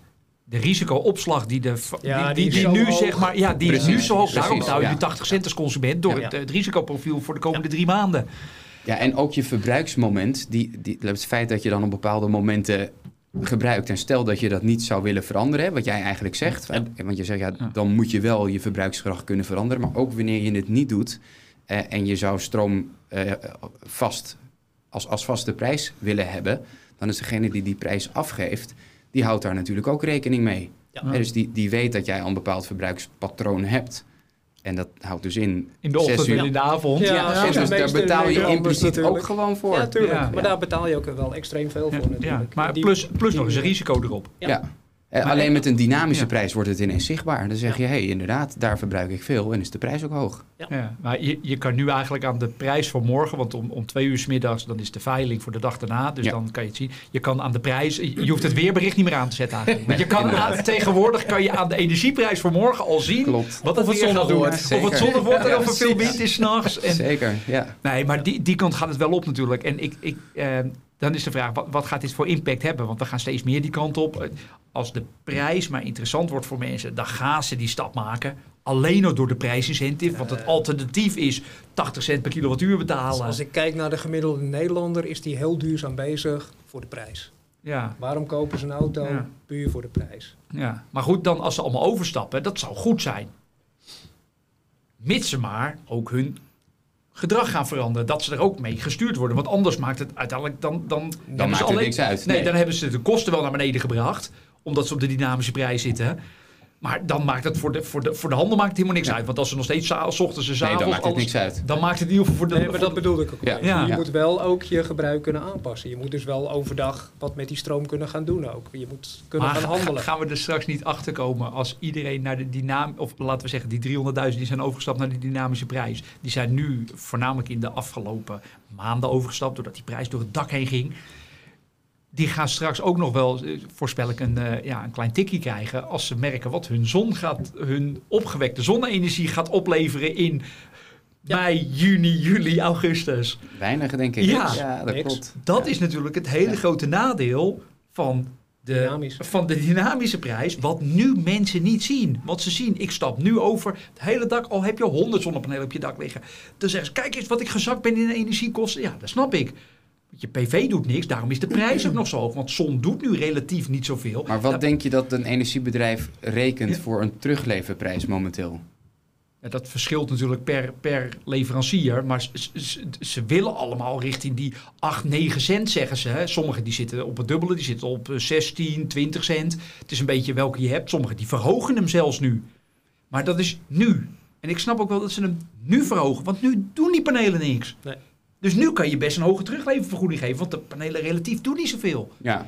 Ja, het hangt er dan ook af wat je weer vangt voor je verbruik. hè. Ja. Dus als je daar extra veel vangt, dan Ja. kan je misschien op Ja, dat relatief teruggeven. kleine Ja. weer wat teruggeven. Ja. Maar uiteindelijk is, is er een markt. Ook, ook voor die partij die jou die vaste prijs geeft voor levering en teruglevering vast. Ja, en die constateert gewoon die kilowattuur die ik in de zomer ga vangen van die particulier. Die, die is niks waard. Nee. Eh, Terwijl de kilowattuur die ik moet leveren in de winter om 6 uur 's avonds, die is loeiduur. Ja. En dat betekent dus dat ook bij vaste prijzen de verschillen tussen levering en teruglevering Steeds, steeds groter worden. Ja, en dan hoor ik van die onzinnige verhalen inderdaad dat dat dan minimaal 80% Ja. van, de, van de leverprijs moet zijn. Hè? Dus de terugleverprijs moet minimaal 80%. Dat zou dan de regel moeten worden. Er worden eigenlijk allerlei voorstellen voor gedaan. Maar dan denk ik echt, ja oké, maar Wie betaalt wie gaat dat Ja, verschil precies. betalen? Want het De verschil consument. tussen een winterprijs en een zomerprijs is extreem. is extreem Ja. hoog, Ja. veel groter dan dat. Ja. Dus dat moet ergens terugverdiend Dus dan worden. gaat de consument nog meer betalen in de avonden en in de... Het, het gaat dus betekenen dat of andere klanten meer gaan betalen. Want ja, of zo'n energiebedrijf zegt, nou weet je wat, iemand met een zonnepaneel, die hoef ik niet meer. Ja. Nee. Dus Maar accu- ze- accu's worden wat dat betreft nog interessanter om bijvoorbeeld met negatieve energieprijzen je, je accu vol te la- eh, laden en dergelijke. S'avonds te ontladen en, en, en te doen. Natuurlijk werkt het in de winter niet helemaal op die Jawel, wijze. jawel, maar want nu is het eigenlijk min of meer winter. Nu zie je al de, de, de, de, de, verschillen. de verschillen. Je zit nu al midden overdag en s'nachts als het hard waait. ik geef 1 januari, dat was middenwinter. 15 uur op, volgens mij 7 uur negatief gehad 1 januari. En dan nog eens 8 uur op nul. Want iedereen lag met de kater in bed. Iedereen die had helemaal kapot gezopen met oud en nieuw. Ja. Er was veel wind. Niemand deed wat. Alle bedrijven, alles Een dicht. mooie heldere, zoom, of, eh, mooie heldere zon in de winter Ja, ja, maar dat was, en er was veel wind. Want iedereen die waaide weg met oud en nieuw. Want alle vuurpalen die gingen haaks eh, door de straat heen zo hard als dat het waaide. Ja, dat hebben we gezien. Iedereen dronk in bed. Nou ja, Nee, ben ik helemaal met je eens. In, in, in de winter heb je even goed eh, je er- mooie kansen met, met Ja. accusystemen. Eh, Sterker nog, ik, ik denk dat je, dat je dat wel moet doen. Want als je alleen kijkt naar het, het opslaan van je eigen zonnestroom, dan is die business case veel te slecht. Hè? Dus je, je moet ermee handelen. En dan zou ik eigenlijk niet eens naar die dynamische prijzen kijken, maar, maar veel meer naar die onbalansprijzen. Omdat, die dus, omdat de verschillen daar Ja. veel groter Maar dan zijn. moet je nog. dus leveranciers hebben die daar wel op zitten, die dat Zeker. aanbieden. En Ja. daar Ja. komen er ook steeds meer van, gelukkig. Die dus gewoon grote assets gaan schakelen. En die grote asset kan ook een hele kleine accu zijn die ze gewoon allemaal bij elkaar... Want dan doe je gewoon Klopt. Dat is vij- dan 50 of 100 Ja. huishoudens bij elkaar. Noemen we dan ook een grote asset. Dus dat maakt natuurlijk niet uit, Nee, dat is allemaal opgehakt. niks uit. Maar dat betekent ook weer dat we dus ook, als die prijs straks laag wordt... gaan we mega veel energie gebruiken. Want daar kunnen we van profiteren. Hoe gaan we dat doen dan? Want die, e- want die verdelers die worden nog zwaarder belast. Die eh, zullen toch wat aangepast moeten worden. Of weer zo inderdaad zo'n kastje ervoor. Maar zijn er niet dat we het wat meer modulair kunnen maken? Dat we zeggen, we beginnen met verdelen van... nou, we hangen wat op en dat we zonder dat we veel te veel ingreep moeten doen... dat we... Of zou een heel mooi concept zijn. Maar daar heb je inderdaad wel weer die fa- fabrikanten voor nodig die Nou ja, daarin je- gaan stappen. Je, je zit Alleen- aan tafel. Ja, alleen wij zitten niet in die kleine markt. Wij nee, maken maar wel grootschalig. Grootschalig Ja. hebben wij heel veel mooie modulaire concepten. Alleen ik mag niet voor eigen parochie praten. Nee, nee. Als ik kijk naar de fabrikanten voor de, voor de eh, huisaansluitkasten, daar zie je wel dat die erop inspelen. Alleen die kijken denk ik op dit moment, en ik ken de markt niet heel goed, eh, meer toch naar de verdienmodellen op korte termijn. eh, PV ready. PV ready Ja, en dan de volgende versie wordt eh Accu EV ready. ready, dan Ja. weer een versie batterij Ja. ready. Ja, Dus in dan- plaats van het in één keer goed te doen. Maar dat, maar dat, is ook zit een ook prijsmarkt. Ze kunnen niet zeggen, we gaan hem helemaal compleet goed maken, want dan wordt hij veel te duur ten opzichte van de andere Ja, maar wat is dat duur? Is, Ja. is, is, is op het moment dat je nu, zeg even, eh, eh, is- een, verdeler kost 1000 euro even in het voorbeeld en de verdeler toekomstready is 2000 euro. Maar dan moet die installateur hem wel durven verkopen. Ja, precies. Die, Maar, die maar dat is weer die gaat alleen maar voor de prijs. Die gaat niet voor de oplossing, die gaat voor de prijs. Ja, maar daar is ook aan ons allemaal een stuk in de markt aan om daar gewoon wel te zeggen van, Ja. joh, we, we gaan als markt eh, PV doen, we gaan accu's doen, we gaan EV doen. Er komt een warmtepomp aan, dus we hebben zometeen alles in het, in het hart zitten. Eh, we gaan nu eh, de verdeelkast vervangen en we gaan het over twee jaar nog een keer doen. Daar gaat het wel op En neerkomen. aan het eind van het liedje is dan eh, A, de, de eindgebruiker de verliezer in, Ja. het, in het verhaal. Ja. En we gaan zo meteen heel veel spullen gewoon weer de vuilnisbelt opgooien. Eh, wat, als ik hoor dat er zelfs een, een eh, huisinsluitkastje veranderd wordt voor 3.500 euro door een paar eh, halfcriminelen, ja, dan zijn we toch op een verkeerde manier dat bezig. denk ik wel, ja. Maar Maar hoe dat is een kunnen we mooie taak voor jou, Dennis. Jij wil die consument gaan Ja, ja, informeren. ja, ja, maar goed. Nee, ik denk dat het heel belangrijk is, want ik, ik doe thuis momenteel ook wat. Ik heb laatst met Dennis eh, hele mooie zonnepanelen neergelegd. En dan, dat moet dan nu aangesloten worden. Ik heb een super installateur, maar ik, ik heb eigenlijk niet eens... Ik heb geen notie dat er überhaupt opties zijn. Snap je wat ik bedoel? Nee, maar dat is, dat is ook het deel wat vanuit, zeker vanuit een installateur, gewoon, gewoon geadviseerd moet worden. Maar dan komen we terug op het stukje kennis. en hebben ze die kennis? Ja, Ja, maar weten ze het überhaupt? Ja, maar dat is, dat is, weten ze het überhaupt? Zijn ze bezig met wat, wat nou over twee jaar? Wat nou over vijf jaar? Ja. En dat, dat zijn dingen wat alle systemen die wij nu realiseren, is zijn in ieder geval batterij ready. We plaatsen nu op dit moment voorzichtig nog geen batterijen. Puur omdat, eh, eh, en dat is hetgeen waar het vorige week ook deels over ging. eh, eh, norm is er niet klaar voor. Verzekeraar is er niet klaar voor. Het enige wat er is, is een stukje fabrikantrichtlijn. Dus we gaan nu met z'n allen hartstikke leuk batterijtjes op zolder in de garage tegen de buitenregel whatever maken. En zometeen over, over twee jaar komt de verzekeraar. Ja joh, hartstikke leuk wat jullie allemaal geknutseld hebben. Mag niet. We Maar we gaan het weer afbreken, Ja. we gaan het weer opnieuw doen. En dat, Ja. dat is de reden waarom wij nu zeggen van ja, zeker, het systeem moet voorbereid zijn. En op het moment dat het moment er is, moet die batterij, moet die batterij erin kunnen. Maar we zijn er wat afwachtend in. Puur om niet de, dezelfde fout die we als PV-markt tien jaar geleden ook gemaakt hebben. Was het ook van, joh, maar zonnepaneeltjes, hartstikke leuk, goed bezig meneer, lekker, lekker, le- lekker duurzaam. Ja, en we zien wat voor, wat voor ellende we, we iedere dag ervan hebben met z'n allen. Ja, die, die kan, moet, dat moeten we wel gaan voorkomen. We moeten wel zorgen dat... we- Kijk, als we het over duurzaamheid hebben... is het niet een paar paneeltjes op het dak... of een accu installeren... of een elektrische auto. Laat het dan toekomstbestendig zijn. Ik bedoel, Ja. ook dat is natuurlijk een... een het zou een no-brainer moeten zijn... dat we iets toekomstbestendigs doen. Dat we er wat aan Ja, als ik hebben. hoor dat stukje- hele mooie dat we spullen... een lange eh, termijn Stukje ja. ja. sturing in de eh, meterkast. Precies. Waardoor je dat soort dingen kan schakelen of afschakelen. Maar goed, ik, ik, het- ik bedoel, het is leuk dat je zegt, dat moet ik gaan doen al die ik wil best een paar mensen helpen. Ik bedoel, ik, ik probeer er al veel in te doen. Ik bedoel, dit soort gesprekken helpen er al aan mee. Dat we gewoon een beetje bewustzijn creëren. Ehm, en wat ik al zei, het is een soort groepje. hè. We moeten met z'n allen proberen de mensen die echt er wat anders in staan. en Die gewoon Ja. en kennis durven delen. En eerlijk de markt durven te, te helpen. Die moeten bij elkaar, dat groepje moet groter. En we kunnen toch niet iedereen helpen. En natuurlijk zijn er mensen, er is altijd een markt voor laten we zeggen, laagwaardige kwaliteit of goedkoop. Dat is helemaal niet erg, want als het niet in de portemonnee zit, kan het er ook niet uit. Sommige, als het alleen maar om... om, om eh, Maar als je, volgens mij was die uitspraak voor jou, als je je richt op de prijs, Ja, dan ja, gaat de ja, kwaliteit naar beneden. ja, ja. Als Als je, je va- richt- ja. Maar, heb je hem nog? Hij, ligt- hij- hij- hij stond hier ergens, denk ik, het, eh, het, het tekentje. Tegeltje, Ja, ja. ja, ja, ja.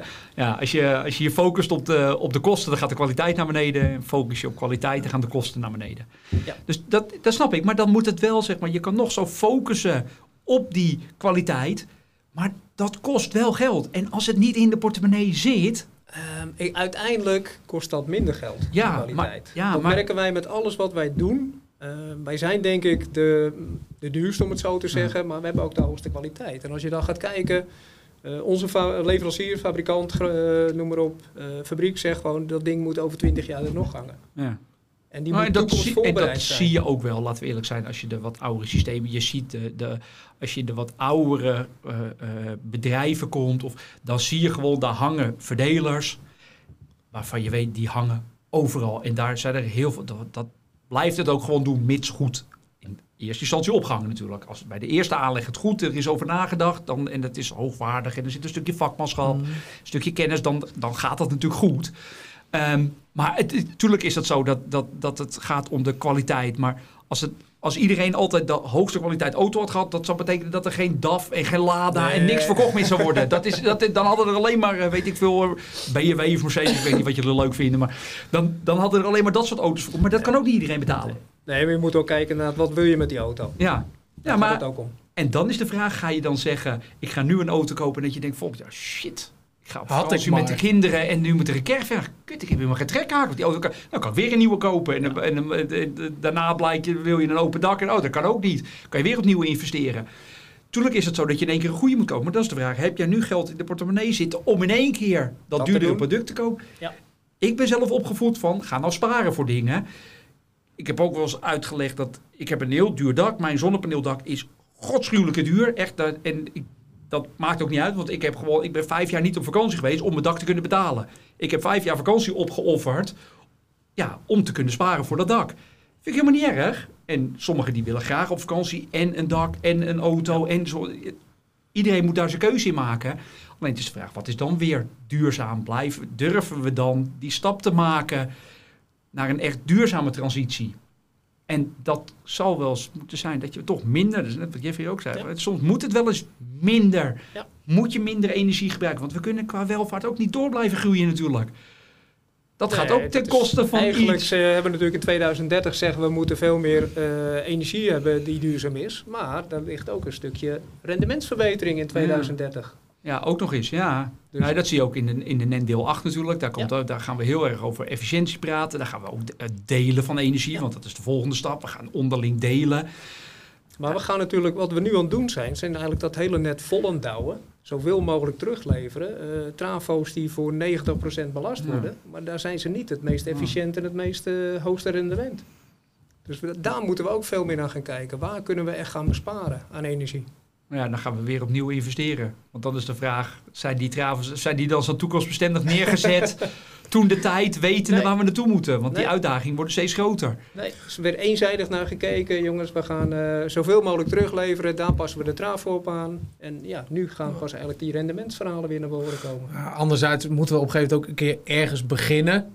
Dat is ook zo. Ja. Vo- voordat je op een gegeven moment eh, verdere inzichten hebt. Kijk, heel simpel, als ik, als ik naar onszelf kijk. De installaties van ons van vijf jaar geleden zijn ook anders dan vandaag de dag die we maken. Hebben we ook ingeleerd en, en, en, en, en ingedaan. Gelukkig. Ja, zeker. Ja, nee, maar dat is, dat is ook zo. We moeten ook die stappen maken met z'n allen. We moeten ook door en we moeten ook gaan en we moeten het ook proberen. En, Ja. Maar laten we dan in ieder geval leren. Dat is wat, wat, wat er de vorige keer ook was werd gezegd. Laten we nou leren van wat we fout hebben gedaan in het verleden. Dat is helemaal niet erg, want dat is nieuwe markten. Voortschrijdend inzicht. Voortschrijdend Precies. in. Maar laten we dan wel met z'n allen nu weer die stap gaan maken om toch eens te kijken of we, of we toch weer een stapje verder kunnen. Ja. En of dat... Belangrijk is denk ik, wat jij gewoon aan het doen bent, is ook gewoon die kennis delen. Kennis in de markt. Nou ja, ik hoop dat dat, dat voorbeeld probeer ik te geven. Daarvoor ben ik jullie ook dankbaar dat jullie hier zitten. Dat jullie het in ieder geval durven te vertellen. En dat jullie de tijd nemen om deze kant op te komen. Zo op vrijdagavond natuurlijk. Ah, het is een lekker Bijna weekend. eh, ja, ja, wat dat allemaal niet doet. Nee, we gaan afronden man. Want we zitten al bijna anderhalf uur te ouwe hoeren. Dat krijg je. Ja. Dat, eh, dat gaat... Wat eh, ik nog heel belangrijk oh, ja, vind, is met sorry. name die kennis bij de installateur. Ja. En het zijn eigenlijk twee dingen wat wij altijd zeggen. Wat heb je nodig in de markt? Kennis en kennissen. Ja. Dus je moet ook zorgen dat je een, inderdaad een team om je heen werkt of hebt. Waar je gewoon mee kan overleggen. ehm, waar je kennis vandaan kan halen. Je kan niet alles zelf meer weten. Al die installaties worden te gecompliceerd. Wat jij al zegt, van ja, ik moet alles weten. Kan gewoon niet meer.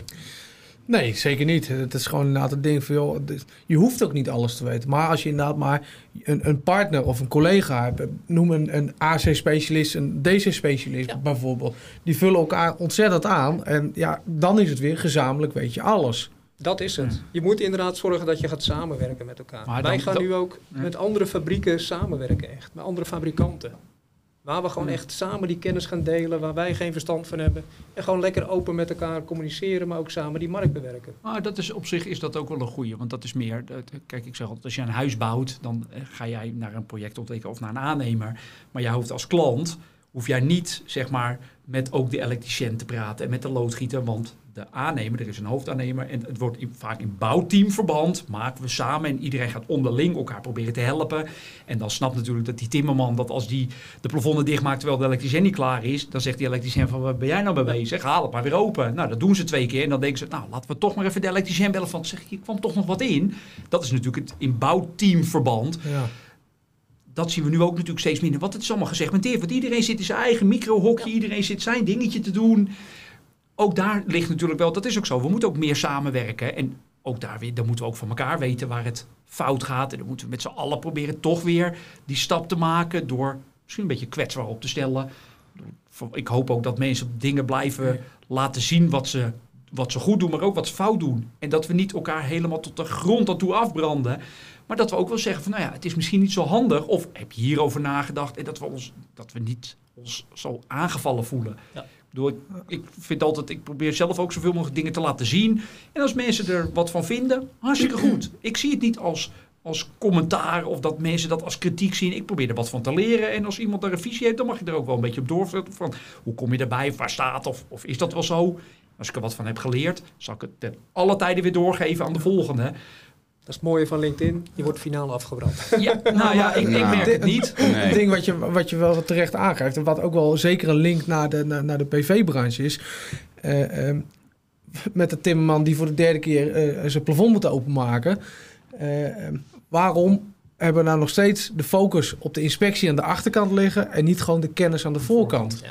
Waarom is er nou niet gewoon een, een bepaald basisding? En we, we kennen allemaal het hartstikke mooie verhaal met, met het InstaQ-verhaal, noem het allemaal maar op. Wat in mijn ogen niet de oplossing is. Maar eh, goed, het is in ieder geval be- beter dan dat er niks is. La- la- la- la- Laten we het zo benaderen. Maar op het moment dat je nou vakmensen ga, ga, ga- gaat creëren en ga, ga, gaat vinden en opleiden. Mensen willen het graag goed doen. Alleen het is vaak inderdaad gewoon, gewoon de onbekendheid. En op het moment dat je het de derde, nadat ze drie keer verkeerd hebben gedaan, dat ze drie keer hun eigen werk hebben kunnen afbreken. Want dat is het allerverschrikkelijkste wat er is, hè? je eigen werk afbreken. Ja. Ja, snappen ze de vierde keer echt wel dat het anders moet. Maar dat je het één keer dan eh, eh, moet herstellen, is tot daaraan toe. Maar dat is het stukje wat, wat, wat we elkaar mee moeten geven. En niet ook met een scope 12 rapport, joh, het is allemaal niet goed, het is één grote bende, noem het dan. Nee, juist het stukje toelichting daar ook, eh, daar, daar ook op. Van joh, wat staat er nou? Ga met die inspecteur een keer samen op locatie kijken als je, als je v- vaker met, eh, eh, met die partij te maken hebt. Ga, ga, ga het gesprek aan met elkaar. En ja, wees daar gewoon ook, ook vanuit inspecteurzijde gewoon, gewoon open en eerlijk over. We zijn allemaal ik denk, mensen. Het is zeker waar. Wat, wat mij dan zelf opvalt als particulier, ik ben mijn huis een klein beetje aan het verbouwen. En ik, ik heb dus al bepaalde dingen. En eh, dat wil ik zelf ook niet afbreken, want dat vind ik ook niet duurzaam. Dus ik heb gewoon een cv. Maar dan wil ik een, boiler daarnaast. Dan denk ik, nou, dan kan ik alvast voor mijn warm water dingen doen. Nou goed, ik hoef het jullie allemaal niet uit te leggen. Maar wat mij zo opvalt, is, is dan dat je een W-installateur hebt en dan Ja. heb je een E-installateur. En die mensen die, die werken Praten dus, niet met die elkaar. praten helemaal niet Nee. met elkaar. En, en die, die zeggen ook, ja, van, nee, van stroom weet ik niks. En dan, dat is zo lastig. Ja. En ik denk ook gewoon een enorm gemiste kans. Ja, Nou, maar dus dus, juist dus durf te vragen, want, Ja. want de meeste mensen vinden het hartstikke leuker om over hun eigen werk en kennis te praten.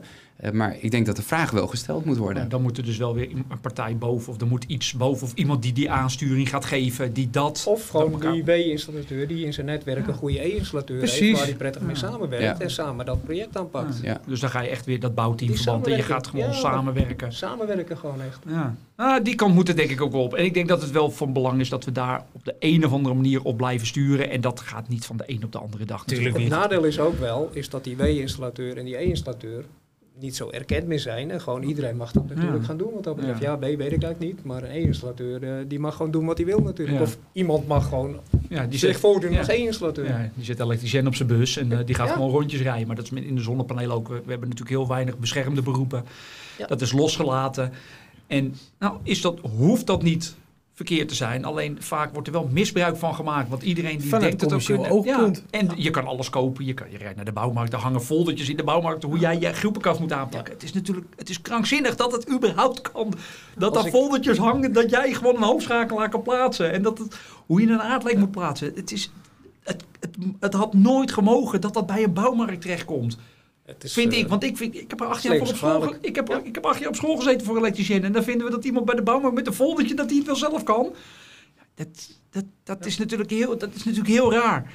Maar goed, ik denk dat we wel langzaam stappen moeten maken. En hoe meer kennis we delen, dat is terecht natuurlijk. Hoe meer kennis we delen, ehm, nou, dan hoop ik altijd dat er een paar mensen toch weer wakker worden. En toch weer getriggerd worden van, nou, laten we dan toch met z'n allen weer zeg maar, dat stapje doen. En wel de goede mensen in het netwerk ehm, eh, ja, eh, contacten. En iedereen die zo vol zit, want iedereen zit tot hier. Maar laten we ook die jeugd niet vergeten. Ik ben zelf actief met mijn zoon bezig. geweldig ik, vind dat het allerbelangrijkste.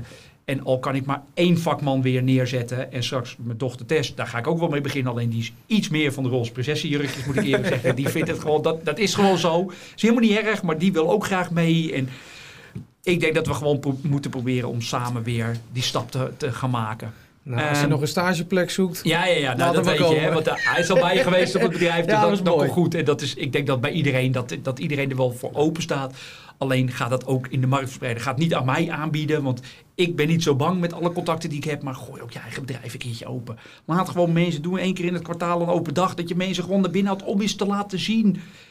Wat we mee, met, laat één dag, laten we even het verdienmodel opzij zetten en zeggen, ondanks de drukte, laten we gewoon het eens openstellen. Doen in de, in de, in de omgeving waar je zit. Gooi je bedrijf open, dat mensen gewoon eens kunnen komen kijken. Gewoon informatief, je hoeft niet eens wat te verkopen.